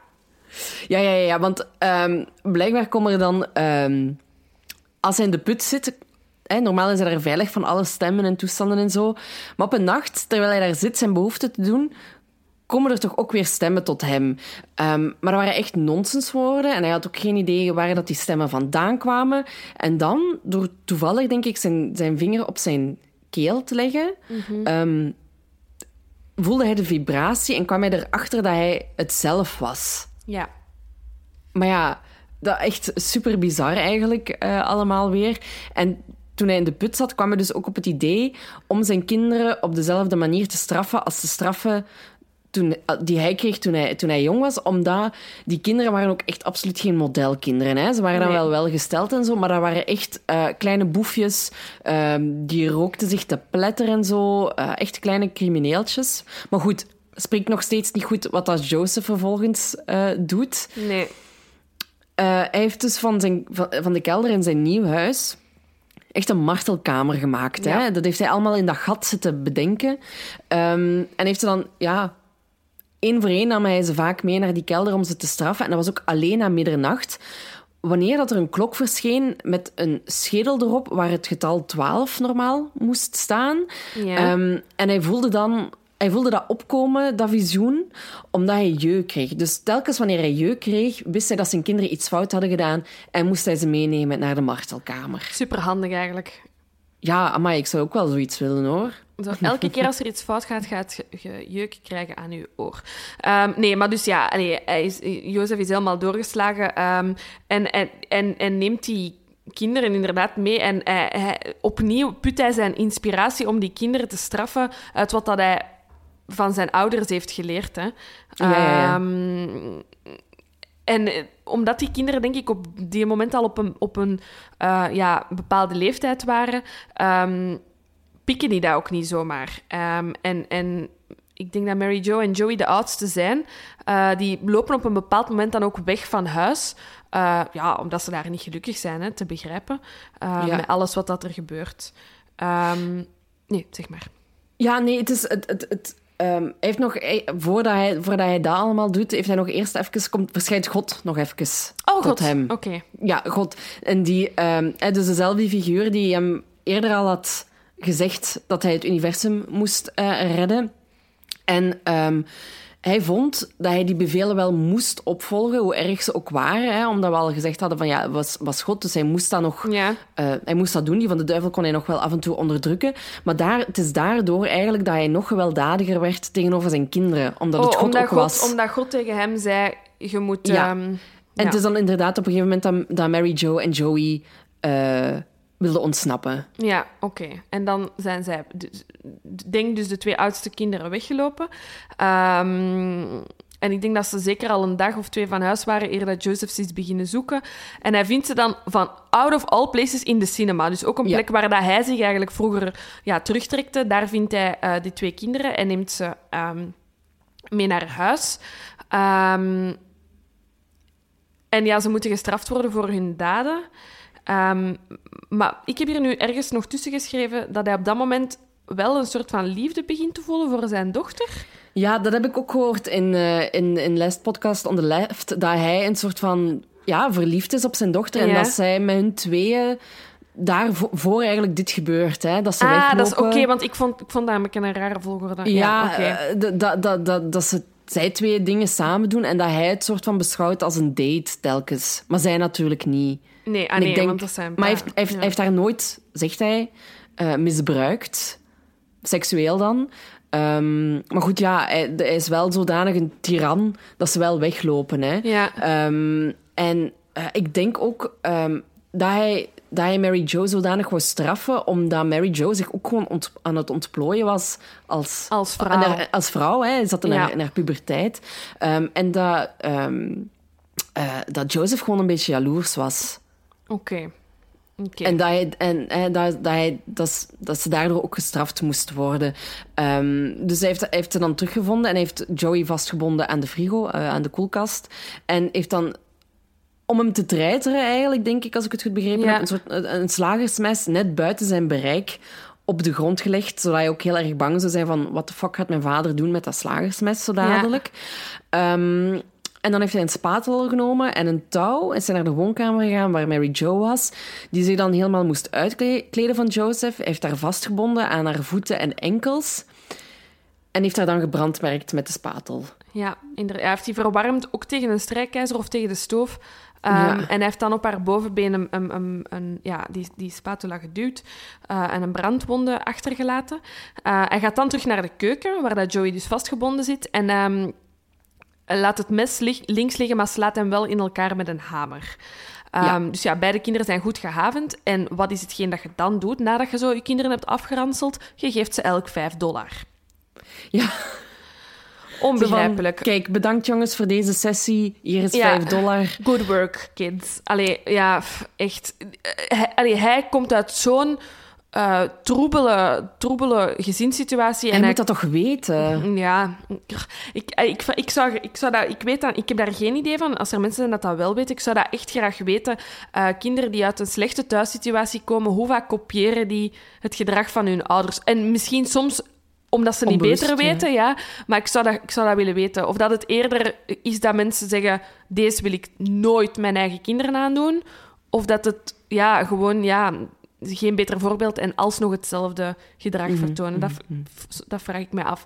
Ehm, en Joey, ehm, Joey, Joseph zegt daar achteraf ook over dat ehm, Mary Jo eigenlijk heel veel geluk had. Want God Ja. had eigenlijk gezegd om die eh, ja, gloeiend hete spatula in haar vagina in te brengen. Eh, maar dat heeft hij dus niet gedaan en hij heeft het gewoon op haar bovenbeen gedaan. Dus eigenlijk moet ze hem dankbaar zijn. Ja, want hij wou zo het slechte wegdrijven. Hè? Ja, dus Uit weer haar al, lichaam. Ja, weer al gefocust op dat, ja, op dat geslachtsorgaan. Ja. Ja, ja, ja zeker dat ook. Ehm, maar eh, ja, Mary Jo, eh, Joey en Michael, die laten het daar eigenlijk niet bij. Die zijn wel echt zoiets van, dude, dit, dit moet echt gewoon stoppen. Dus ehm, een week na de mishandeling, dat zijn we in 1972 trouwens al, ehm, stappen ze naar de politie en zeggen ze dat hun vader hen heeft geslagen en, en, en verbrand heeft. Ehm, En de politieagenten die Mary Jo onderzoekt, die ontdekt inderdaad dat, dat ze brandwonden heeft en dat Joey blauwe plekken had op zijn voorhoofd. Hij had een blauw Ja. oog en dat zijn handen gekneusd waren. Uh, maar zowel Joseph als Betty, wat ik heel raar vind, ontkennen eigenlijk alles. Um, en zeggen dat de kinderen waren ja, weggelopen hè, en dat Ja. ze zo hun, uh, hun verwondingen Hun- hebben ja. opgelopen. Um, en de Michael, die op dat moment tien jaar is, die zegt dan dat, dat zijn vader hem uh, heeft geslagen met lederen zolen, riemen, het handvat van een hamer. Dus eigenlijk allemaal zaken die in die schoenwinkel Ja. uh, te vinden zijn. Um, en ja, Joseph wordt dan gearresteerd. Uh, hij was toen 36 jaar. Uh, en de, ja, de borg stond op 75.000 dollar. Mhm. Maar hij kon die uiteraard niet, niet betalen. En moest uh, voor zeven maanden in de cel blijven. En hij moest ook onderzocht worden. Dus dan Ja. hebben ze zo wat... Um, ja, in vijf minuten getest of zo, of gesproken met hem. Ongelooflijk, hè? Maar daaruit bleek wel al dat, dat hij een IQ... Allee, hij moest, heeft blijkbaar een IQ-test moeten doen eh, op een gegeven moment daar. Ehm, daar scoorde hij 82 op. En dat hij dus ook paranoïde schizofrenie had. Ja. Maar that's it. Ze hebben verder niks met hem gedaan, eigenlijk. Nee, en, en ze, ze stellen ook vast dat, dat hij eigenlijk geen gevaar is of zo, dat er geen probleem is. Nee, en dat hij ook wel gewoon voor de rechter kan verschijnen. Ja, inderdaad. Ehm, en hij werd dan eh, ja, schuldig bevonden aan die kindermishandeling. Ja. En hij krijgt een, een, een voorwaardelijke gevangenisstraf van vier jaar. En hij moest verplicht hulp zoeken, dus dat zeggen ze dan wel dat hij moet doen. Ehm, en voor, de, voor Mary Jo, die op dat moment 12 jaar was, moest er opvang gevonden worden. Ja. Maar uiteraard ehm, gaat dat allemaal niet door, omdat zes maanden later hebben Joe, Joey en Mary Jo ehm, hun beschuldigingen terug ingetrokken. Ja. Omdat, ehm, zo verklaart Joseph later, dat het gezin eigenlijk ja, in financiële moeilijkheden kwam. Eh, Joseph had door heel deze toestand geen klanten meer, eh, niemand kwam nog langs. Ehm, dus hij, hij verplichtte eigenlijk om zijn kinderen om, om hun beschuldigingen terug in te trekken. Hè? Ja, en, dat doen ze ook. Hè. Ja. Eh, en hij overtuigt hen door te zeggen dat ehm, ja, door de beschuldigingen en door zijn, zijn ge- gevangenisverblijf hij geen klanten meer heeft en het, eh, het slecht gaat in zijn schoenwinkel. Ja, en er komt dan een, een nieuwe rechtszaak. Allee, Joseph eist een nieuwe rechtszaak, eh, want hij had zogenaamde bewijs, een brief waarin Mary Jo dus had geschreven dat ze het verhaal had eh, verzonnen. En Joey's blauwe oog en zijn gekneusde handen zou hij dus volgens Joey dan, eh, volgens zijn eh, vernieuwing van de feiten, opgelopen te hebben tijdens een straatgevecht. En daardoor, och arme, werd hij naar een heropvoedingsschool gestuurd voor vier maanden. Ja. En Joseph zegt dan later dat hij zijn kinderen vergeven had. Oh, zo schoon. Echt eindgoed al goed, hè? Amai. En we zijn nog niet aan de moorden. Amai. We zijn ook... Nee, maar dit is, ja, zoals gemerkt, is het wel echt de levensloop dat we vertellen Ja. van, van Joseph. Ehm, ja, en eh, allee, we zijn nog niet halfweg, denk ik, maar Ça Allee, va, ja, ça va. bon. Er gaat bijna een moord worden er gaat bijna gepleegd. mo- voor mensen die niet kunnen wachten. Het komt er zo aan. Ehm, Ja. Dus eh, ja, ik, ik kreeg ondertussen ook weer nieuwe visioenen. ja. God is weer tot hem gekomen. Ehm, en die zei van... Hè, dus eerst zei hij van, ja, je moet het universum redden met je schoenen en de mensheid. Maar nu zei God dat hij de wereld moest vernietigen. Ja, ja. dus nu is ehm, ja, zijn hele doel eigenlijk ehm, veranderd. Dus die hamsters zijn voor niks gestorven. Ehm, want iedereen moet dood. Hè. Dus hoe dat hij het begrijpt, is dat dus hij de mensheid één voor één moet vermoorden. En als hij dan eh, heel de wereld vermoord heeft, dan gaat hij zelfmoord plegen en dan zou hij zelf God worden. Ehm, klinkt super. Eh, hij beseft dat het heel moeilijk is om de hele wereld alleen te vermoorden. Dus hij schakelt zijn zoon Michael in, zijn oudste eh, zoon Michael in. Omdat dus ehm, sinds kort ook in zijn visioenen zijn kinderen begonnen voor te komen. En sommige van die kinderen werden dan ja, heel goed en zo'n beetje zoals God ge- ehm, afgebeeld. En andere van zijn kinderen waren dan weer de duivel. Maar dus Michael was duidelijk een van de goden. Ehm, en eh, Joseph vraagt hem dus eigenlijk gewoon van... Ziet je dat zitten om bij mij moorden te plegen? Ehm, en Michael... al... Ja, Sorry, zeg ze deden al criminele dingen samen. Hè? Ondanks Ja, het ja, feit ja. dat Joseph populair was met zijn schoenwinkel, eh, gingen die wel in huizen inbreken en zo. Ja. Hè? Dus dat deden ze wel al. Ehm, wat ik nog even wil zeggen, in, de, in dat visioen zegt God ook dat, ze, dat als ze iemand vermoorden, ze ook het geslachtsdeel moeten afsnijden. Ja, ja, inderdaad, inderdaad. En dat is ook de reden waarom dat Joseph Michael een hele goede kandidaat vindt. Michael is slechts 13 jaar oud, maar zijn penis is alvast groter dan die van zijn vader. Dus het is een ideale kandidaat om deze moorden te plegen. Ja, ja, ja. En, en Michael gaat meteen akkoord. Hè? Ja. Van, eh, oké, ja, is goed, eh, doen we. Ja, prima, vader. Laten we de wereld gaan, eh, gaan vermoorden. Goed idee. Goed idee. En goed, ja, een week later was het dan zover. Hè? Ja, echt ook. Dit is ook jarenlang denkt hij dat hij dus ehm, die, met die orthopedische zolen de wereld gaat helpen. Hij doet daar keiveel experimenten op. Hij schakelt hamsters in. Dat visioen verandert. En binnen de week heeft hij zoiets van... Ja, ça va, chill, gaan we doen. Zo, geen berouw om het feit dat zijn zooltjes het nooit gaan halen. En dat die Ah. hamsters gestorven zijn. En dat die hamsters gewoon direct van... Oké, moorden, ça va, ik ga dat doen. Eh, ja, we zijn on- ondertussen 7 juli 1974. Ehm, En nu we begint het, hè? Ja, en nu beginnen we bij de eerste moord. Ehm, ja, zoals jij ook al zei, Silke, dus ehm, Joseph en Michael gingen s'nachts zo wel al eens op, op burglary spree. Dan gingen ze verlaten huizen binnen, eh, namen ze soms een nachtbus. Ehm, en als ze dan s ochtends thuis kwamen, dan stond het ontbijt klaar op tafel. Dus heel het gezin wist wel wat dat er gebeurde. En het is eigenlijk een beetje... Dat ze, ze, beslissen die moorden een beetje op dezelfde manier aan te, aan te pakken. Ze, verlaten met, met twee de woning. En ze lopen wat rond. En ehm, het is tijdens zo, ja, een random wandeling eigenlijk dat ze ehm, een jongetje van tien jaar, José Colazo, aantreffen. Eh, die staat buiten bij een recreatiecentrum. Ehm, en dan van alle smoezen die je kunt gebruiken, gebruiken ze een hele rare. Ze spreken die een eh José aan en ze zeggen: Ja, we hebben uw hulp nodig, want we hebben heel veel dozen met lint in. Eh, en we kunnen die niet met ons twee verplaatsen. Lint. Lint, Zo licht als een superzwaar. veer. Superzwaar. Ehm, maar José, ja, oh godtekes, dat is een kind van tien. Tuurlijk gaat hij daarop in. Ehm, en ze nemen hem mee naar een afgelegen, afgelegen fabriek, want ja, daar bewaart je natuurlijk je dozen met lint, ehm, om hem daar te vermoorden. Oh, maar deze van nu komt is echt ja, ik zal het even zo kort en sec mogelijk proberen te beschrijven. Ze kleden het jongetje helemaal uit. Ze binden hem vast. Ehm, en ehm, zoals we ook al hadden gezegd, ligt de focus weer op de geslachtsdelen. En ze snijden dus zijn penis eraf. En ze laten hem eigenlijk doodbloeden. Ehm, dus er zijn geen andere verwondingen, met uitzondering dat zijn geslachtsdelen er met een mes zijn afgesneden. Ik heb in het, eh, in het boek nog gelezen dat ze ook scharen in zijn anus hebben gestoken. Oké, dat wist ik niet. Super, echt fantastisch. En Joseph heeft het lef om daar achteraf dus nog over te zeggen dat hij het heel spijtig vond, want hij heeft die eerste moord niet supergoed kunnen zien, omdat het donker was in die afgelegen, afgelegen fabriek en het was nacht. En hij heeft dus niet voldoende bloed gezien en dat vond hij heel spijtig.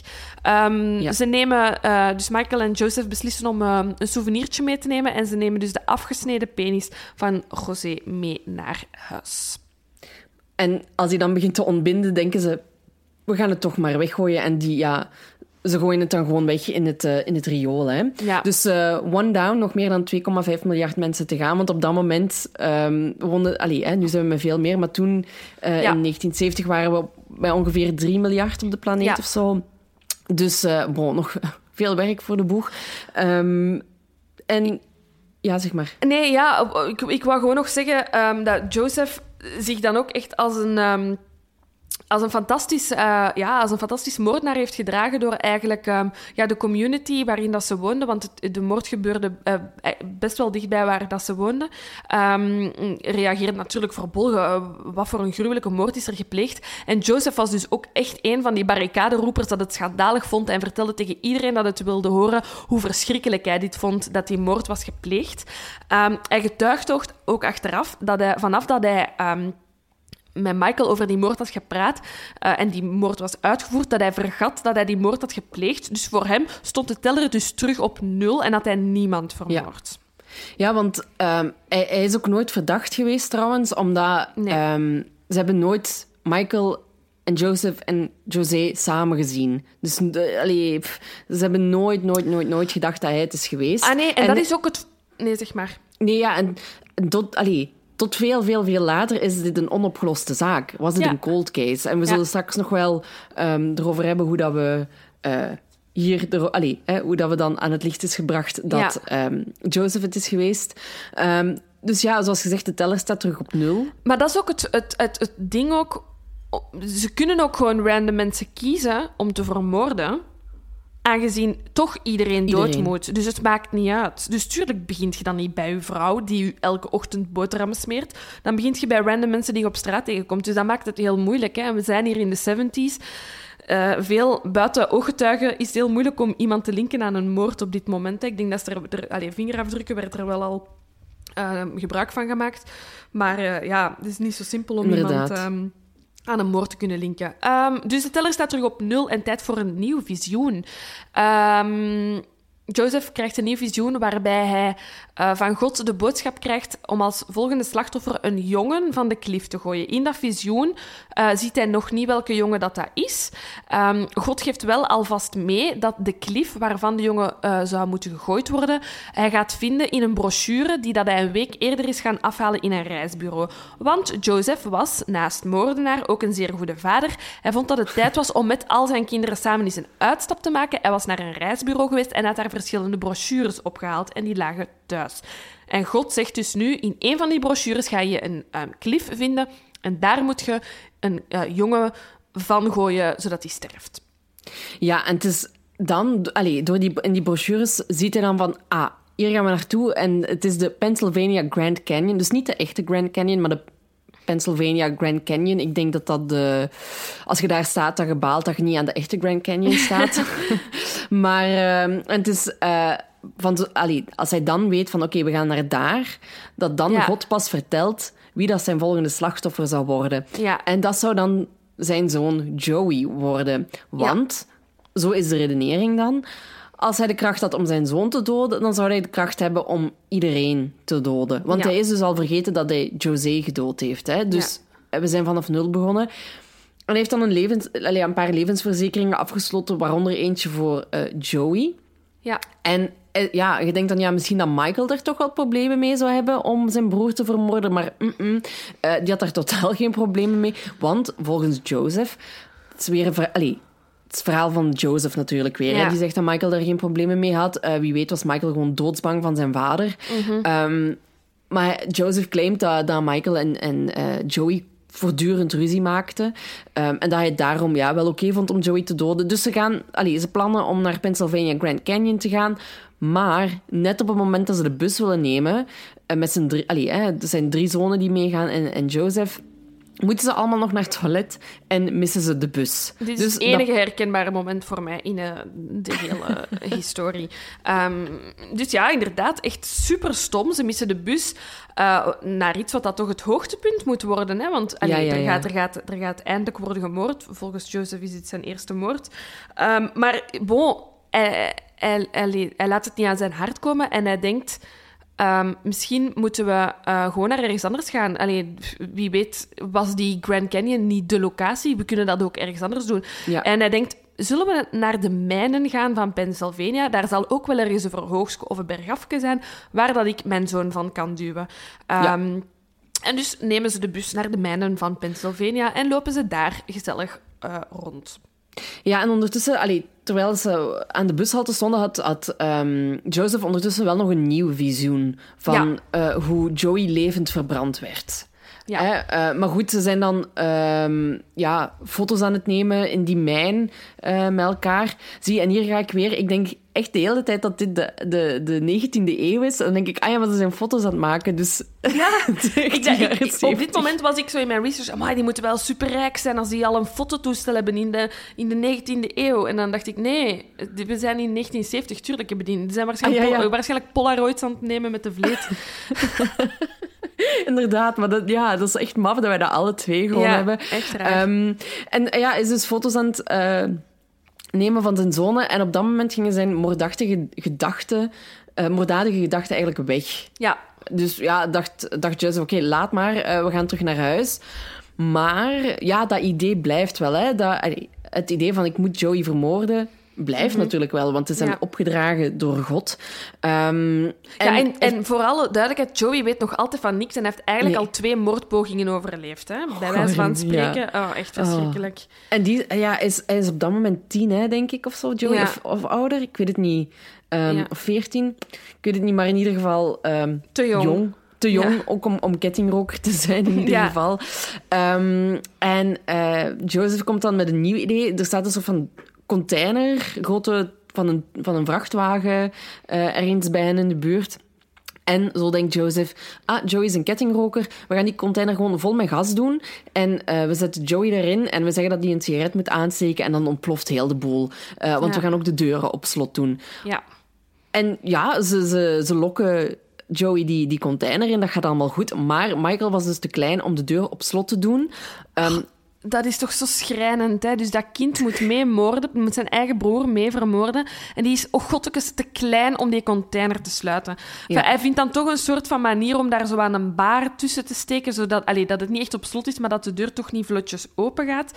Ehm, en effectief, Joey steekt een sigaret aan in die container en ze zien vanuit hun huis dat die container vuur vat en dat er eh, of toch een, een soort van rookontwikkeling is. Maar vijf minuten later wordt er op de voordeur geklopt. en wie staat daar? Joey. Ja, dus het, het plan is weer totaal mislukt. Hè? En Joey heeft ook derde. nog altijd niet door dat zijn ouders allee, zijn Nee, vader nee, nee, nee. vermoorden is. En dan, ja, Joseph komt toch maar weer met een eh, nieuw plan. Hij geeft niet op, hè? dat moeten we Nee. hem wel geven. Ja, het is een Ehm, volhouder. Een volhouder die... ehm, ja, er is een plek ook bij hen in de buurt waar veel eh, winkels leeg staan, als ik het goed heb begrepen. Ja. Ehm, en ze zeggen tegen... Allee, Michael en, en Joseph zeggen tegen Joey... eh, kom, we gaan daar enge foto's maken. Komt je niet mee? Hè? Want Joey, die, die, ja, die stond graag op foto's en zo. Die deed daar graag aan mee. Dus die ging blij mee. Ehm, en dan op een gegeven moment zijn ze in een van die gebouwen, in de kelder. Ehm, en daar lag een ladder dat boven een platform bengelde of zoiets. En daaronder was dan een soort van, plas. Allee, Ja. diepe plas. eh, van, eh, Vuil, vuil stilstaand water. Echt. Inderdaad. Maar van dat je denkt, als ik hier nu inval, sterf is- ik sowieso. Gewoon Ja, van inderdaad. het water. Ja. En ehm, ja, het is eigenlijk Joey die meteen zegt van... Oh, je moet me aan deze ladder vastmaken. En dan gaan we daar rare foto's mee maken en al. En ze binden hem dus ook effectief vast. Ehm, en dan duwt Joseph gewoon de ladder in het water... en zag hij hoe zijn zoon verdronk.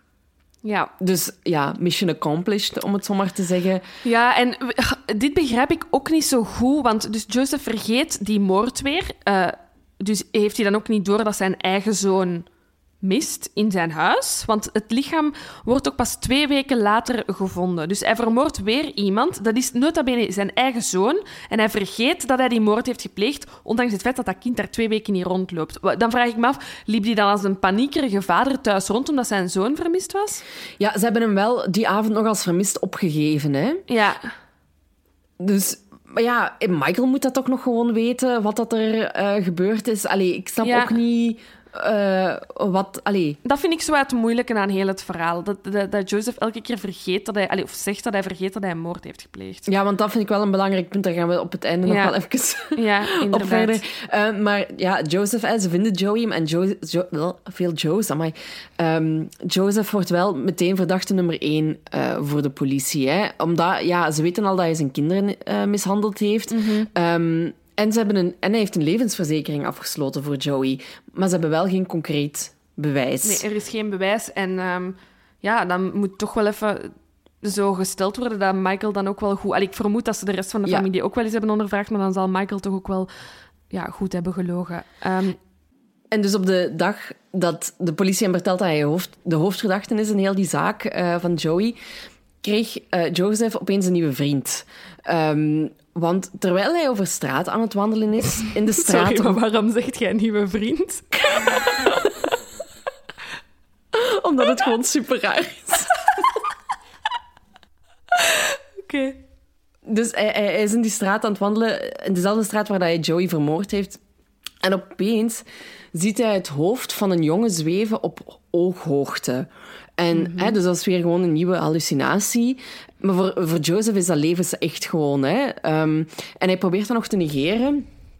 Maar het, hè, en hij gaat naar huis, maar het hoofd volgt hem tot bij zijn huis. En eenmaal daar ziet Joseph pas dat het hoofd geen mond heeft en geen neus. En dat het heel bleek zag. En zijn ogen waren eh, ja, echt bloed doorlopen. Hè. Ja. En daarop zegt Joseph, fuck deze allemaal, ik vlucht mijn huis in. En eh, ja, het, het hoofd is weg. Ja. Ehm, maar niet veel later verschijnt het opnieuw.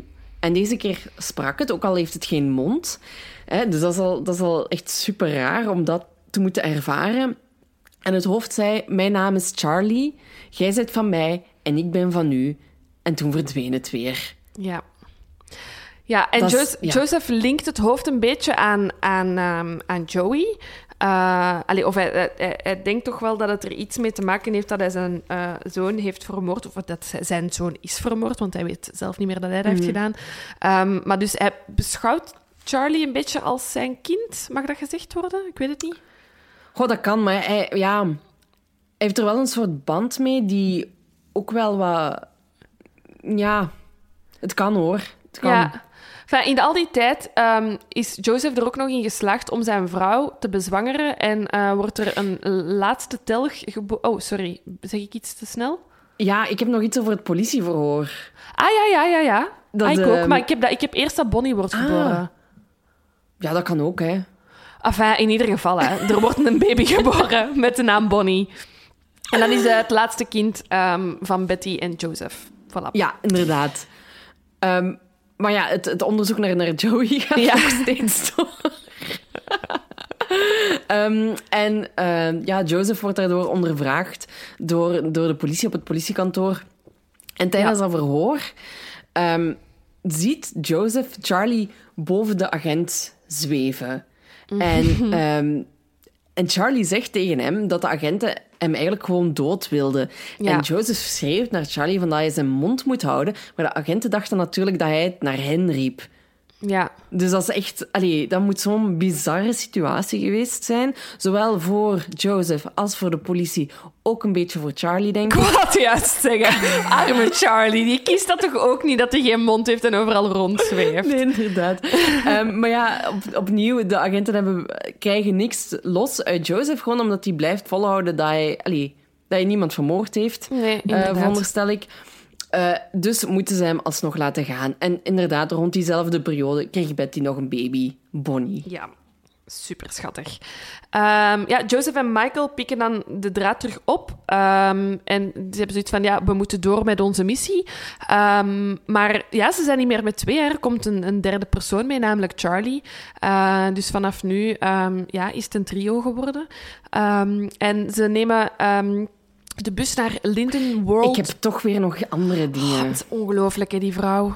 Ik heb, ja, van de zeldzame huidaandoening van Bonnie. Ah ja, maar ah, ja, ik zeg dat pas na dit, omwille van het geneesmiddel dat wordt gecreëerd. Oké, maar dan ga ik u laten doen. Ja? perfect. Doe je ding. Ja, ehm, ja, maar ja, ja. Vertel toch maar. Vertel toch maar.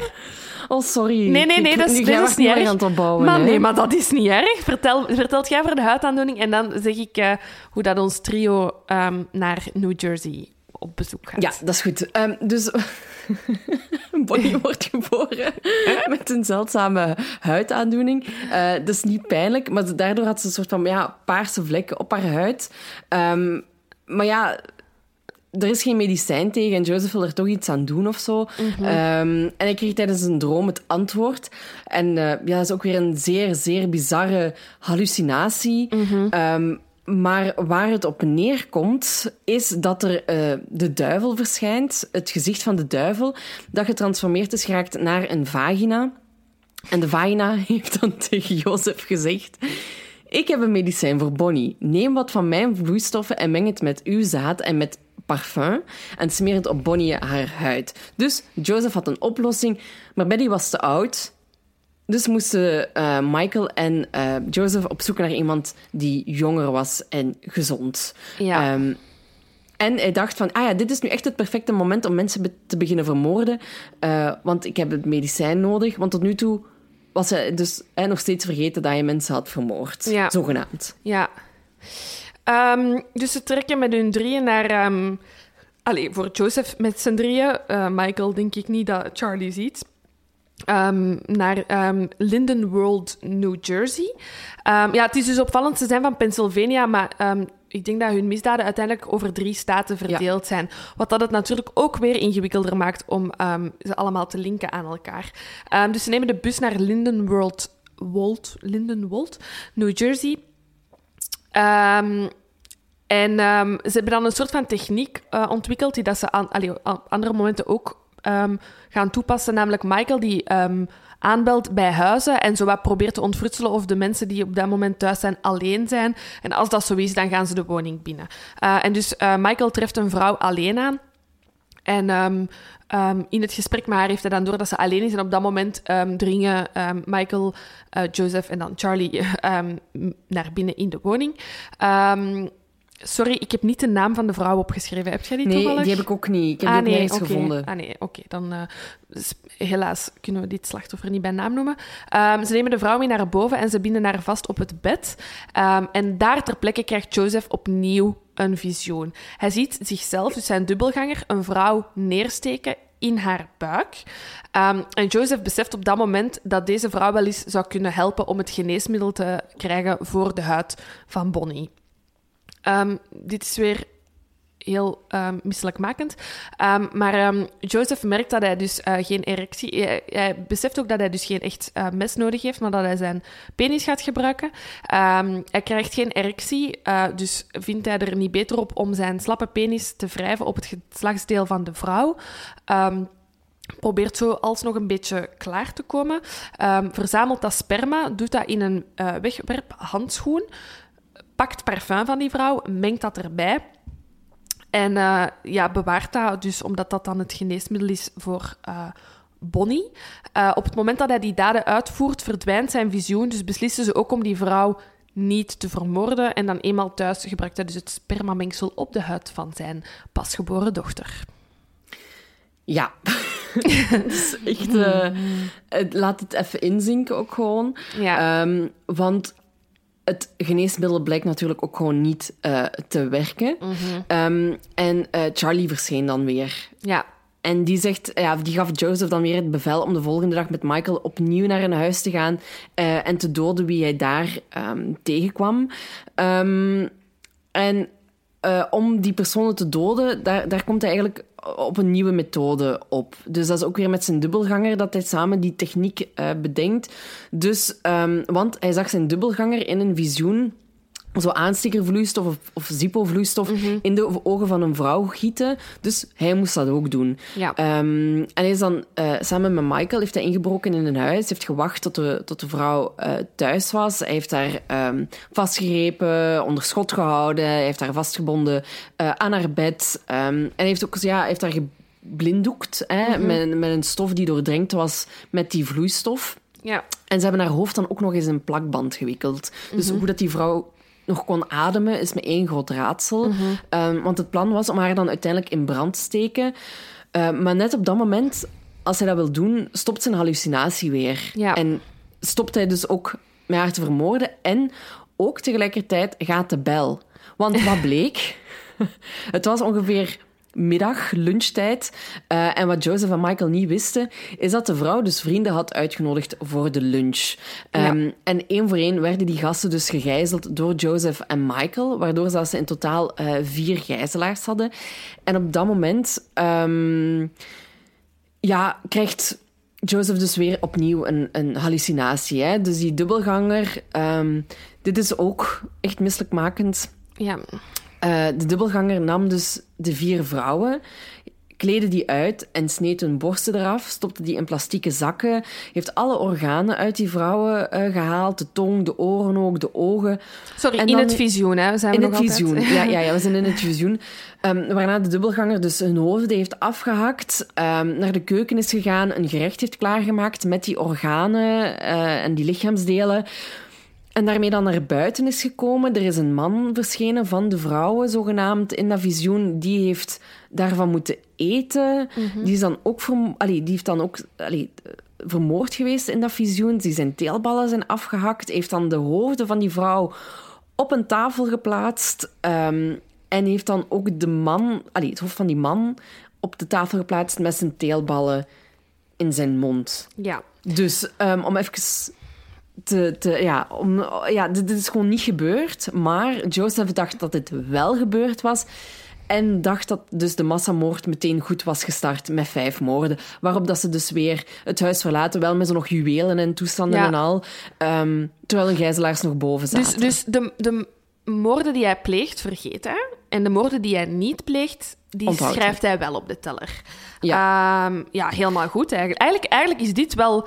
ehm, moest hij dan niet de moorden die hij pleegt vergeten, zou het eigenlijk een ideale moordenaar zijn, want dan moordt hij dus enkel in zijn fantasie. Ja, ja, het gaat, het gaat zo nog een tijdje door. Hè. Er is nog een derde en een vierde gijzeling. Ja, ja daar heb ik gewoon kort uh, opgeschreven. Dus we zijn in, er is er eentje van in Maryland, uh, Homeland Maryland, um, waar dat een beetje op hetzelfde neerkomt. Hij, had een, hij, hij neemt een vrouw onder schot. Um, hij probeert daar ook weer seksueel te misbruiken. Maar op het moment dat het dan aankomt op de moord, lukt dat weer niet en verlaat hij uh, weer de woning. Um, en ja. dan de, de, de, vierde keer denk ik dat dat dan ook zo gaat. Ja. Um, dus het, het, lijkt dat zijn hallucinaties altijd op, net op tijd stoppen om geen moord uh, te plegen. En um, ja, uiteraard worden ook al deze misdaden aangegeven bij de politie. Maar ja, they have no clue. Hè. Alles gebeurt hier weer in andere staten. Um, en hoewel dat er wel getuigen zijn, is er op dit moment echt nog altijd niemand dat weet uh, ja, wie dat deze daden pleegt. Um, ja, ja dan is het... Uh, dan is het 8 januari 1975. Ja. Um, en dan gaan ze weer naar een huis. En uh, daar woont de 26-jarige Edwina Wiseman, die die voor uh, de vrienden. En die was eigenlijk ja, gewoon net haar huis aan het poetsen, terwijl en haar grootmoeder zat boven um, toen de bel ging. En aan de deur stond een zogenaamde zakenman van John Hancock Insurance. Um, en na, nadat Didi dus had aangegeven dat ze niet geïnteresseerd was in hem, um, drong de man alsnog binnen. En eenmaal binnen besefte Didi pas dat die man een pistool vast had en dat achter hem nog een jongen stond. Dus ja, over wie gaat het natuurlijk? Over Joseph en uh, Michael. En um, ja, hij beval haar ook weer opnieuw, zoals we in het voorgaande gezien hebben, om haar kleren uit te doen. Uh, ze, hij bond haar vast met, haar, met allez, aan haar handen en voeten. Um, en Didi zegt nog van, ja, kijk, mijn grootmoeder zit wel uh, boven nog. Uh, ja, ja. En dus ja, Joseph gaat naar boven en wil uh, de grootmoeder vermoorden, maar op dat moment gaat de bel weer opnieuw. Hoeveel pech kun je hebben? Ze willen altijd bij vrouwen die alleen thuis zijn um, binnenbreken, maar ze treffen alle sociale vrouwen van Amerika aan. Ja. Want, wat, want het, is, maar het is ook wel, het is echt super zielig, hè? want dus de vrouw des huizes, um, haar vader heeft net een hartaanval gehad. Um, en eigenlijk hebben zo al haar vrienden afgesproken, vrienden en familieleden, om, om een keer langs te komen om te vragen hoe het gaat. Want de bel gaat niet één keer, maar uiteindelijk acht keer. Er komen ja, acht ja, ja. verschillende mensen langs. Gaande van haar zus tot nichten, tot... Enfin, ook mannen. Um, en die worden dus allemaal één voor één binnengeladen en ook ja, uh, gegijzeld door uh, Joseph en Michael. Dus ondertussen zitten daar acht mensen binnen um, die allemaal onder schot worden gehouden. gehouden. Sorry. Ja, ja, ja, en dan op een gegeven moment komt er, um, ja, gaat de bel opnieuw. En dat is uh, een jonge vrouw, Maria Fashing, een 21-jarige verpleegster die na haar shift even passeerde bij haar vriendin om, om te checken of alles wel oké was. En um, ja, Joseph was degene die haar verwelkomde. Uh, en Maria dacht eigenlijk gewoon dat hij een familievriend was. Um, en ja, hij, hij beveelt haar eigenlijk ook, hè, net zoals weer bij alle anderen, om op de grond te gaan zitten, iedereen uh, haar, uit te kleden en haar vast te binden.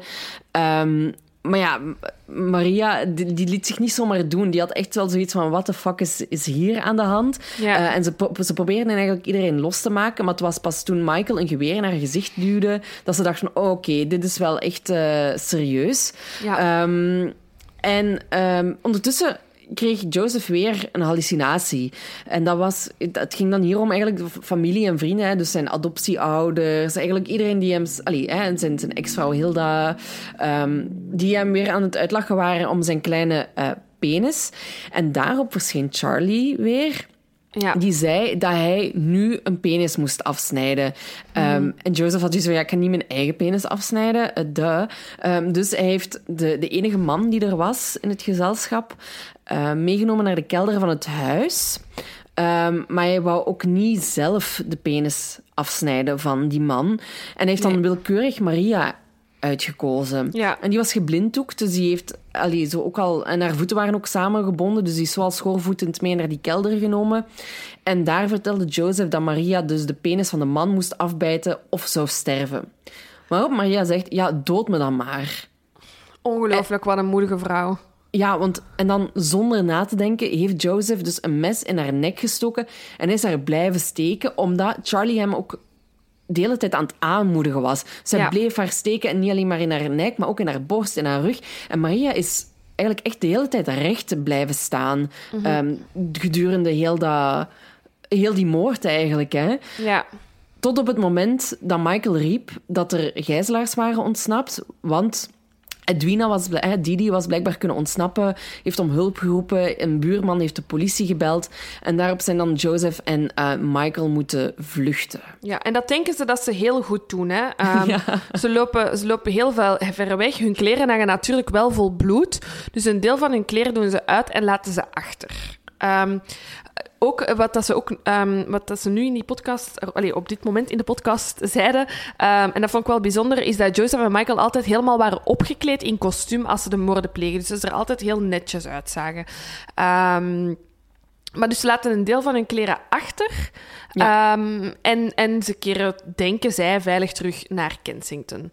Ehm, uiteraard zijn we, zitten we hier weer met getuigen, hè, want er zijn mensen die hen hebben gezien, namelijk die, gijzelaar, eh, die mensen die gegijzeld waren. Ehm, maar ja, het zit natuurlijk weer in een andere staat. En het is eigenlijk het- de kledingstukken die ze achterlaten, dat hen ja, de das omdoen.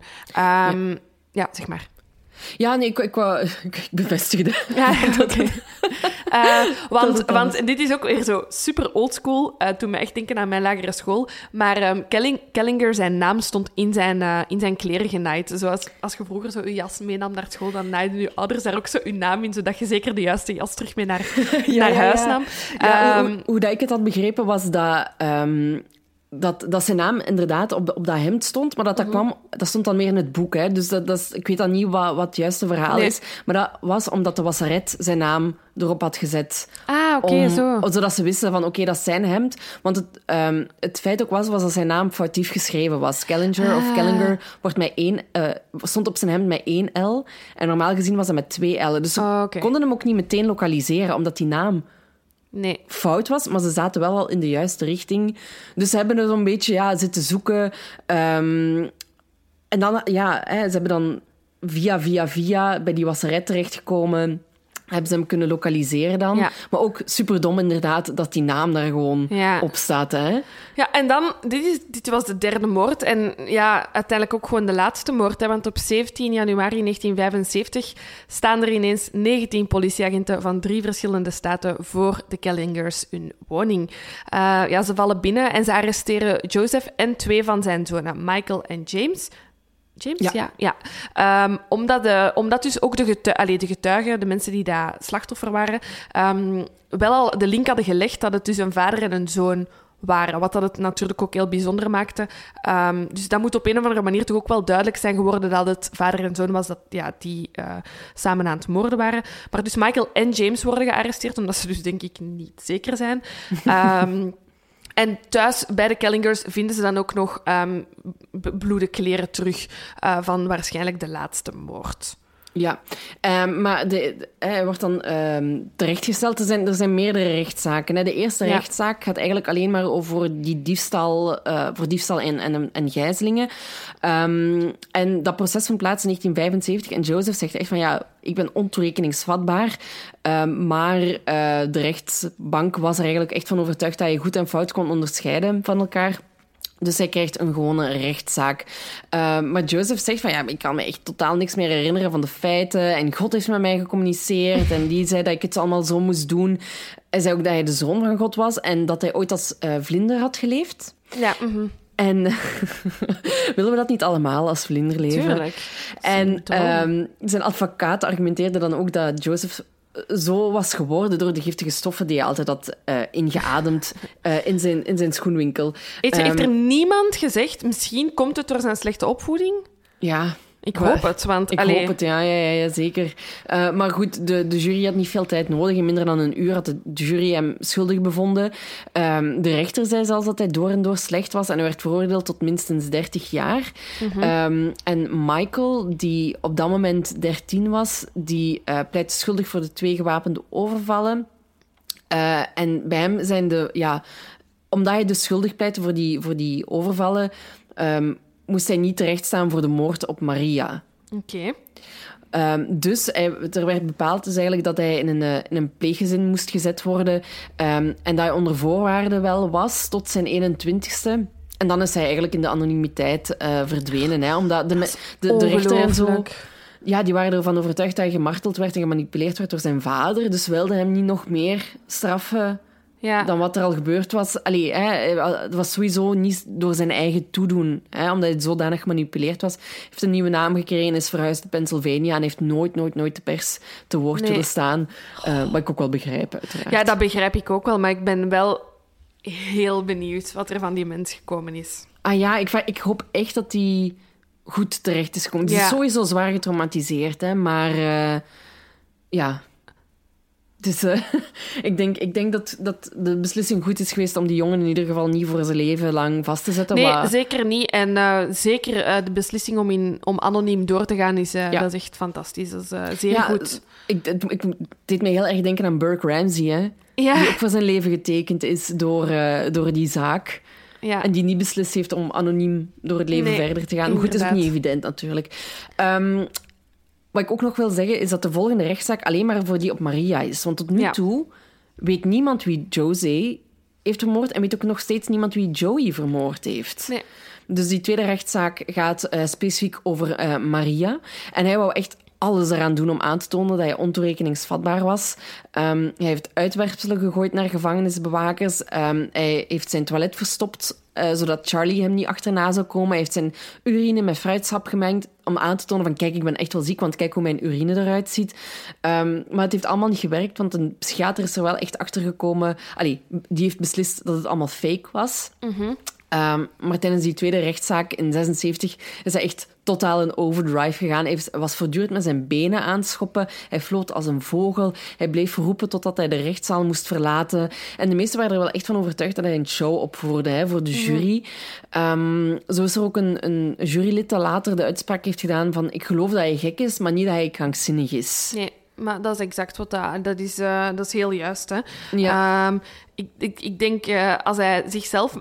Als hij maar zo normaal mogelijk was geweest en op een doodnormale manier had uitgelegd wie Charlie, God en de duivel waren, dat het ook duidelijk was dat er iets mis is in Ja, zijn ja, ja. hoofd. Daarvoor moet je je pis niet met, uri- eh, met, met fruitsap mengen. Nee, nee, Ehm, er is duidelijk iets mis met hem, maar doordat hij zo overact, ehm, hebben die mensen zoiets van, ja, je maakt ons belachelijk, precies of dat we dit niet kunnen doorzien. En dat heeft ervoor gezorgd ja, dat hij eigenlijk ja, ook een beetje fout terecht is gekomen, hè, want hij wordt inderdaad veroordeeld en hij komt in een gewone gevangenis terecht. Ja, ja, ja, inderdaad. Ehm, wat best wel erg is, hè. veroordeeld tot levenslang. Ehm, en dan kom je met in zo'n toestand ehm, in de gevangenis terecht. Het wordt eigenlijk alleen maar erger. Hè. Ja, daar stopt. Dat, dat is, daar, en dat, dan denk ik dat hij, wat hij nu in de gevangenis allemaal doet, dat dat wel effectief zijn allee, ware aard. Zijn, ik wil zeggen, dat brengt zijn ziektebeeld duidelijker in beeld. Hè. Hij steekt zijn cel in brand, hij steekt zichzelf nog eens in brand. Ehm, hij valt verschillende andere gevangenen aan. Ja. Ehm, hij zou zelfs een gevangene de keel hebben overgesneden.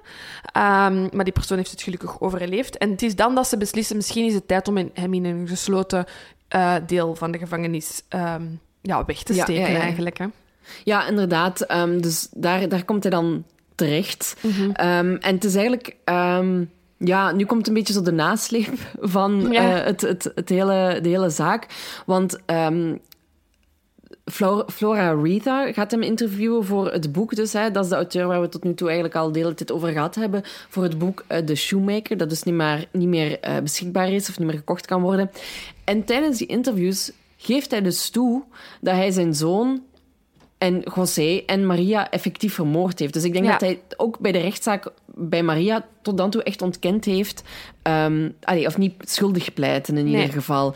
Ehm, en hij is dan opnieuw terecht moeten staan voor de moord op, op Joey en José eh, in 1984. En dan is hij veroordeeld tot twee keer ehm, levenslang.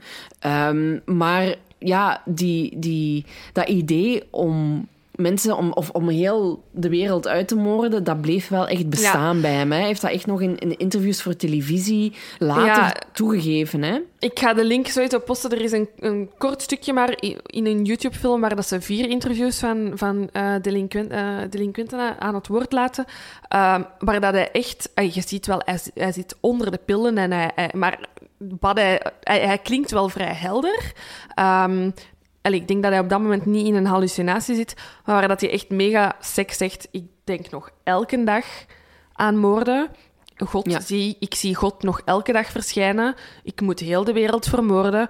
Ik denk ook dat het een goed idee is om mij hier binnen te laten zitten, want ik wil ook niet buiten zijn.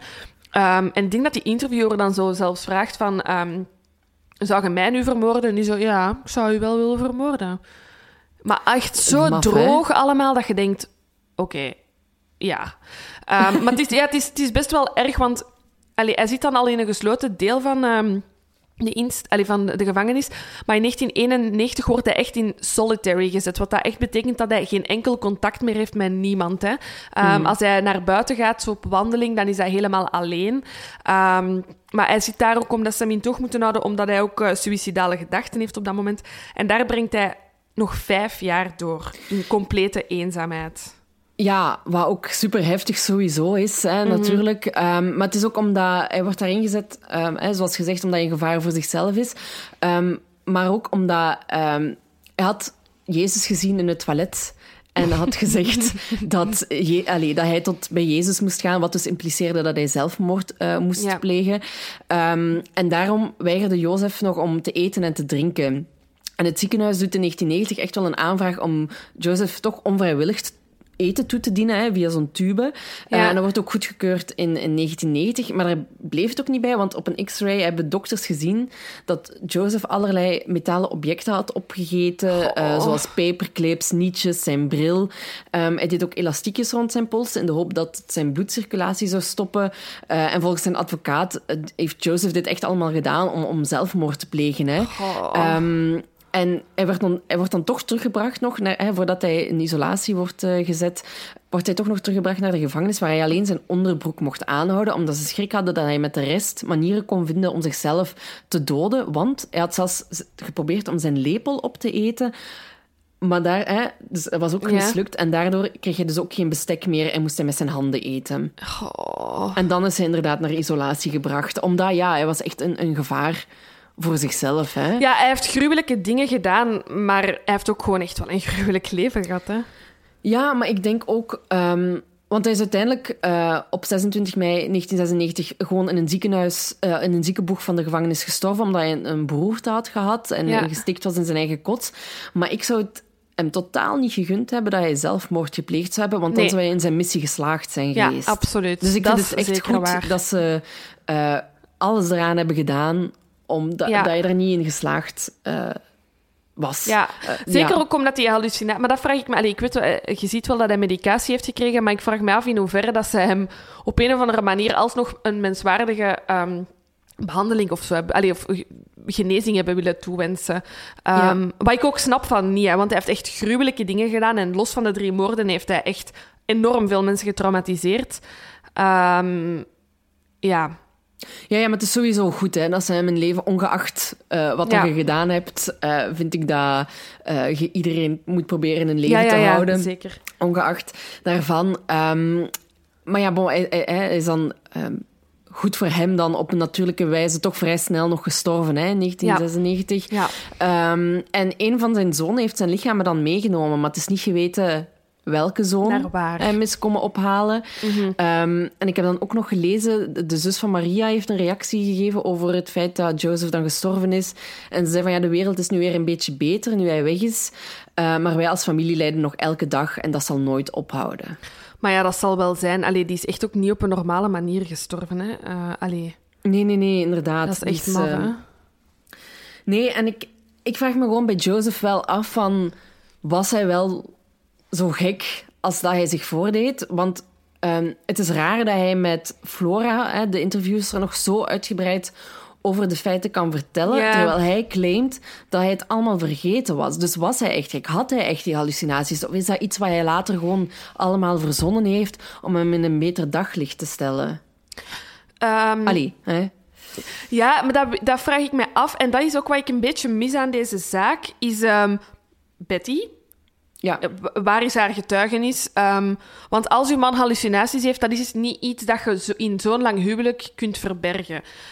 Allee, ik vermoed dat zij daar toch wel enige vorm van bevestiging kan geven van nee, die kid is compleet normaal, maar echt gewoon door en door slecht. Of nee, ja, hij heeft, heeft echt wel wat problemen of zo. Of zijn zoon... Allee, dat, vraag ik mij gewoon af.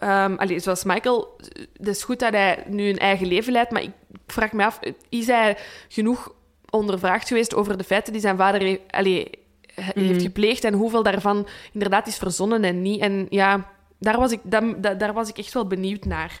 Of dat er toch een soort van ja, duidelijkheid is over...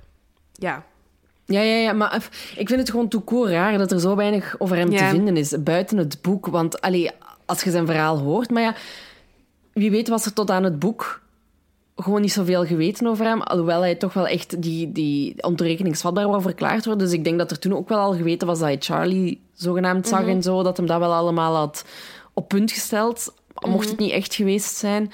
Ehm, maar het is gewoon raar, dat, dat, want het is zo'n zot verhaal, ehm, dat hier niet meer over te vinden is, buiten Nee. dat boek. En ja, dat is dan ook nog maar één bron van zijn kant. dat is één bron. verteld. En dat boek is dan ook nog iets uit de, uit de, uit de, ja, Uit uit, de- uit gehaald. de hè. winkel gehaald. En terecht, allee, ik snap dat die familie... eh, maar ik vind het inderdaad ook echt super raar dat er niks meer is over gedaan. Ja, dus bedankt, lieve, voor deze suggestie. Het was, Ja, eh, het was een hele ik, ik kende hem niet. Ik, ik, Ik, ken, de ik kende nog hem ook niet. En ehm, ja, ook zo qua foto's. Ik vind wel wat foto's van Joseph. Ik heb één foto van Michael, maar voor de rest is dat ook echt... Ja, dat zijn arrestatiefoto's. Hè. Voor de rest vind ik daar echt bijna niks van. Nee. Ehm, ja, ook geen krantenartikels. Allee, zeker voor een Amerikaanse zaak, wat dat bij ons meestal betekent extra veel opzoekingswerk. Omdat er Ja. gewoon, als het iets in Amerika is, dan is er al heel veel over verschenen vaak. En dat was gewoon nu niet het geval. Dus dat was wel, eh, dat was wel heel raar. Voilà, dus ja, dat, dat was het. Goed. Zullen we overgaan naar de suggesties? Ja, eerste suggesties. Doe maar. Ehm, doe maar. Ja, ik blijf in thema. Ehm, ik, eh, ik, ik ben er eigenlijk op- opgekomen omdat ik eh, iemand op Instagram zag posten. eh, de sleur, waar dat we allemaal nu een beetje in zitten. Zo elke avond ga ik iets op kijken op Netflix of iets op tv. En die hebben echt zo'n schema opgesteld. Elke zondagavond kijken ze een klassieke film. Op maandag een documentaire. Allee, het kan van één ah, ja, we hebben dat ook. Ja, ja, Ah, zie, voilà, kijk. En dan zo op dinsdag reality tv. Dus elke, da- elke dag van de week hebben ze zo'n soort van... Om toch een soort van ja, onderscheid te maken in de dagen. En dat je niet... Want nu, de kans om nu te bingen is zo groot. Dus, dus ze hebben dus van... Nee, oké, we kijken stap per stap. En op hun zondagavond keken ze... ehm, de film Monster uit 2003. En ik dacht, wow, ik was die film niet vergeten, maar ik dacht, amai, die wil ik echt nog eens zien. Ehm, en daarom dat ik hem graag wil suggereren, ehm, hij is heel toepasselijk. Ik zal even kort een, ehm, de pitch geven. Dus Monster is een film uit 2003 over het leven van seriemoordenares Aileen Warnos. Ze is een ex-prostituee die de doodstraf kreeg voor de moord op zeven mannen eind jaren 80, begin de jaren 90. En ze werd in 2002 geëxecuteerd. De hoofdrol eh, wordt gespeeld door Charlize Theron. Zo'n knappe vrouw, zo onherkenbaar in Monster. Ja, Echt waar, gewoon maf, al de poster. Ehm, en eh, in de film ja, heeft ze dus een vrouwelijke partner en die wordt gespeeld door Christina Ricci. Dus twee knappe vrouwen die echt onherkenbaar zijn. En de film is ook geregistreerd, geregisseerd door ehm, Patty Jenkins, een vrouw. Supergoeie film, heel fascinerend om te zien. Ehm, hij is, eh, ja... eh, regelmatig in de prijzen gevallen. Ehm Charlize Theron heeft de, de Oscar voor beste actrice gekregen dat jaar. Een Golden Globe. En ik hoopte gewoon, omdat de film uit 2003 is... Hij staat nog altijd de dag van vandaag, want 2003 is 17 jaar geleden. Dat klinkt echt Oh. super lang. maar de film staat er, staat er nog altijd. En ik hoop dat er mensen zijn die hem nog niet hebben gezien en die nu zoiets hebben van: ah ja, die wil ik wel eens zien. Ik Of heb hem die nog niet gezien. ja, zie, goed. Hè. Ik ben heel hè? blij dat je hem nog... Allee, ik ben heel blij dat je hem nog niet hebt gezien en dat je hem misschien nu gaat zien. Ehm, ik heb ook wel al gemerkt, de vorige keer heb ik een eh, suggestie van een documentairefilm gegeven.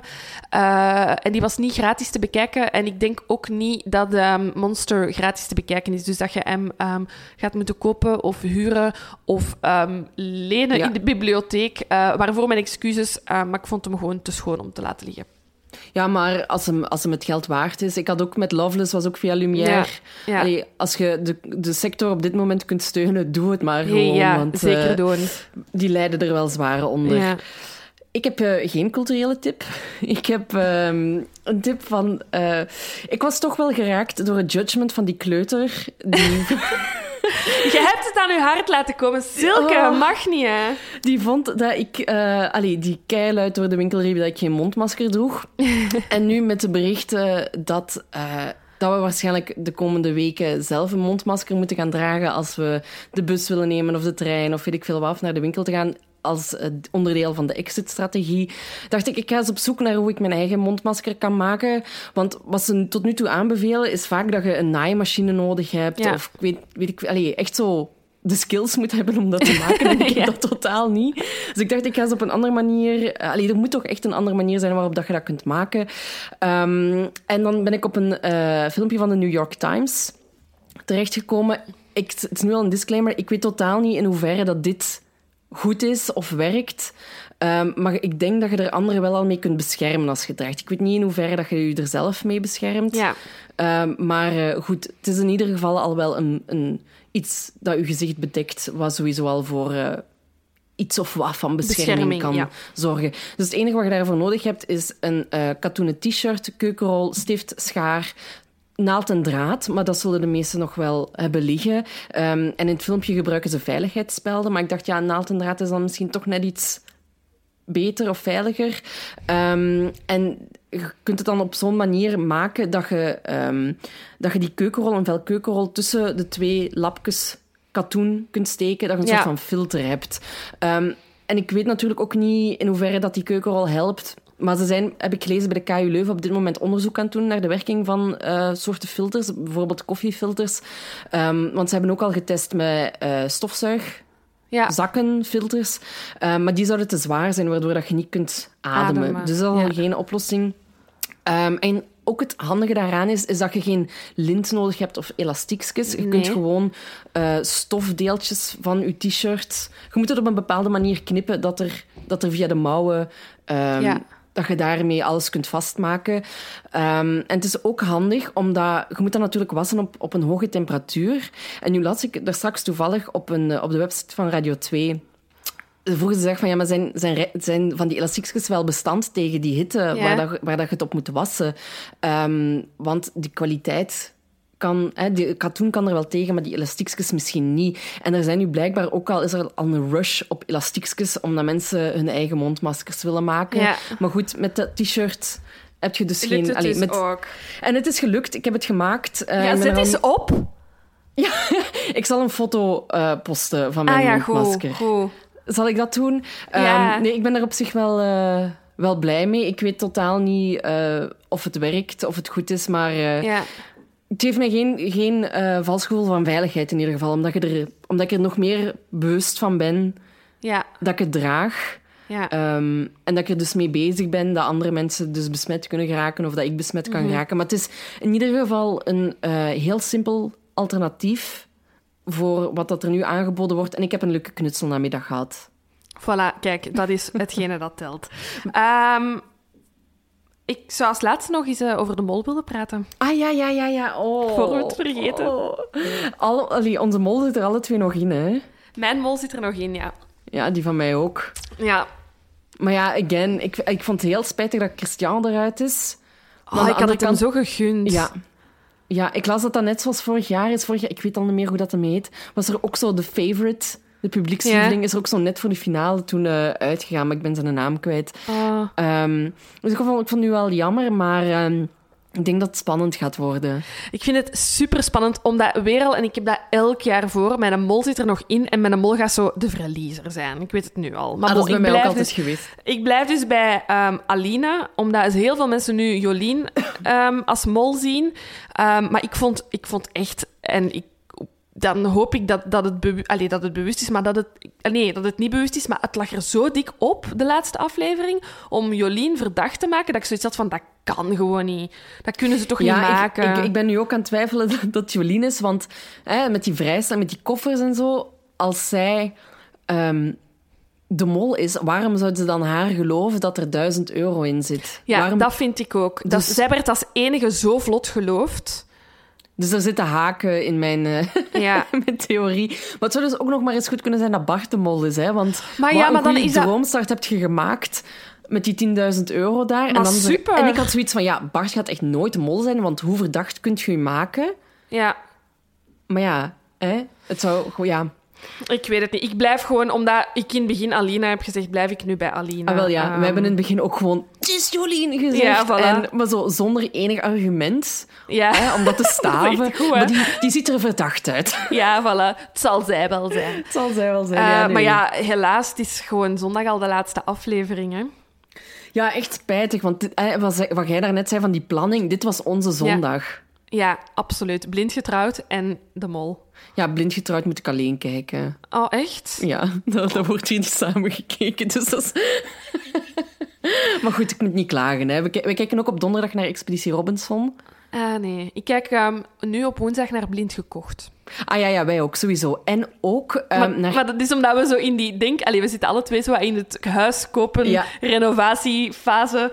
Ehm, dus alle huisprogramma's vind ik nu echt superleuk Oh, om zeker, te zeker, kijken. zeker. Op, op de website van Vier staat ook trouwens voor de fans van het programma blind gekocht Nederland en blind gekocht Australië. Dus je kunt daar ook nog... eh, Oh, helemaal losgaan. Zalig. Ja, ik vind, ja, vind het tof. Ehm, en ik zou nooit meedoen aan blind gekocht. Nooit, ik zou nooit, daar niet nooit, aan nooit, kunnen. Echt niet. Nee, ik. Kan, ik kan het nu al niet aan. Nee, voilà. Wij- Ik kan... Ja, wij verhuizen over een paar weken. Ehm, wel geteld, we zitten nu vijf en een halve week in quarantaine of zoiets. En eh, het is nog exact zo lang eer dat wij in ons huis mogen. Dus Ja. het, eh, ik, ik vind het nu al gewoon heel stresserend. Ja. Ehm, dus laat staan dat ik mee zou doen aan blind gekocht. Nee, hè. nee, Nee, echt nee. niks voor mij. Ehm, en ja, meestal merk ik dat, dat ze heel hard hun best doen in programma's om kan, oh, zeker in België, niet per se in andere landen, maar in België, om, ehm, om, om mensen die aan een reality-programma mee, mee te doen, er zo goed mogelijk te laten uitkomen. En bij Blind Gekocht heb ik echt het gevoel van, niet, ik weet niet waarom, maar ik, heb, ik vind het zo moeilijk om een connectie te vinden met die mensen. Ja, ja, ik Ehm, ook. Of Behalve met Bea, echt. Bea is mijn Bea is echt max. Ik hoop dat Bea luistert naar Ja, amai, dat zou mijn, echt, dat zou mijn doel zijn voor dit jaar. Dat Bea naar ons Maar luistert. Bart is ook wel lief, Maar goed, ik. echt, dat duo. Dat zei ik wel. Ik zei, ik zou nooit meedoen aan het programma. Maar als iemand voor mijn huis moet kopen, zou ik het Bea nog laten doen. Ja, ja, zeker. Absoluut. Dat vind ik wel weer goed gedaan. Ja. Ehm, maar nee, ik zou ook nooit mijn handtekening daaronder zetten. Als ik, als ik zie hoe moeilijk onze zoektocht is geweest, Ja, voilà. Mhm. eh, hoe vaak dat we een bot hebben gedaan ook en zo, et cetera, snap ik dat mensen snel geneigd... Allee, of snel toch de keuze maken om mee te doen aan, een, aan het te- televisieprogramma. Ehm, maar ik zou nooit, nooit, nooit die controle kunnen afgeven. Nee, absoluut niet. Nee. Vooral ook omdat, en dat, dat zie ik nu ook achteraf, ik had echt ook een hele lijst van dingen dat ik belangrijk vond aan een woning. En het huis dat, dat wij nu hebben gekocht, dan, je maakt toch compromissen, maar dat ligt aan die woning waar je op dat moment in staat en waar dat je verliefd op wordt. Ja. En dat zijn misschien niet de compromissen die dat andere mensen voor u gaan maken. Nee, Ehm, inderdaad. Ja, ja, klopt. Dus ja, het zijn zo stomme dingen, maar, eh, maar ik, ja, ik vond het wel heel leuk om te kijken. En ik hoop gewoon, ja, als dat allemaal stopt, al die programma's, er, er moet wel echt iets nieuws komen. Maar bon, ik, ik werk in de sector en ik weet dat alles nu plat ligt. Dus ik hoop ehm, ja, dat er snel nieuwe tv kan worden gemaakt. Ja, ja, het is nodig, want ik denk dat we anders riots gaan krijgen gewoon. Ik, eh, ik heb het gezegd, hè. thuis is vrijdag gestopt. Ik verwacht, het is nu woensdag. Ik verwacht zo vanaf morgen kleine Ja, ja, ja. dramaatjes. Hè, want eh, wat doen mensen nu dat dat het lek zegt dat we eh, vanaf dit weekend met tien man samen mogen komen. Hè? Super, echt fantastisch. We zullen nog wel zien wat dat er vrijdag gezegd wordt. Inderdaad. Ehm, goed, ja, we zijn rond. Ja, het was weer gezellig. Spijtig. Echt, dit is echt mijn hoogtepunt van de week. Dat is gênant, hè? Dat, nee, dat is niet gênant. Op zich vind ik dat echt fijn. Ehm, ook als mensen mij vragen, ah, wat zijn er nu aan het doen? Ik ja, ik zit thuis, maar ja, ik ben wel nog eh, met de podcast bezig. Ah, ja, ja, ja, ja. Dus ik merk wel zo dat, dat... Dat is altijd het eerste wat ik zeg nadat ik zeg dat ik niet meer aan het werk ben. Ah, wel, ja, ik ook, want ik ben hier Ja. echt wel veel mee bezig. Ehm, door Ja, en we- ik, nu heb ik ook de tijd, hè? ja, ja, ja, zeker. Absoluut. Dus ja, wij blijven gewoon voortgaan per week, zolang Mhm. het kan. Ehm, want we hebben ook nog steeds geen uitsluitsel bij ons op het werk. Hoe en wat. Nee, Allee, er zijn wel niet. verwachtingen, maar eh, Ja. hoe dat effectief gaat lopen, dat zullen we nog wel zien. En eh, jullie zijn uiteraard de eerste die daarvan op de hoogte gebracht zullen worden. Dat is waar. Goed, ik wens jullie een eh, fijne dag, avond, weekend, wanneer dat jullie het luisteren. Ehm, en tot Fijne volgende wandeling. week. Ja, wandeling, fietstocht, eh, hangmat, uurtje, ehm, whatever. Tot de volgende. Tot de volgende bye. keer. Salut! Op Storytel vind je heel veel crime-luisterboeken. Waaronder de thrillers van Karen Slaughter, die ook wel de Queen of Crime wordt genoemd. Probeer Storytel nu 30 dagen gratis uit op story.tel slash volksjury.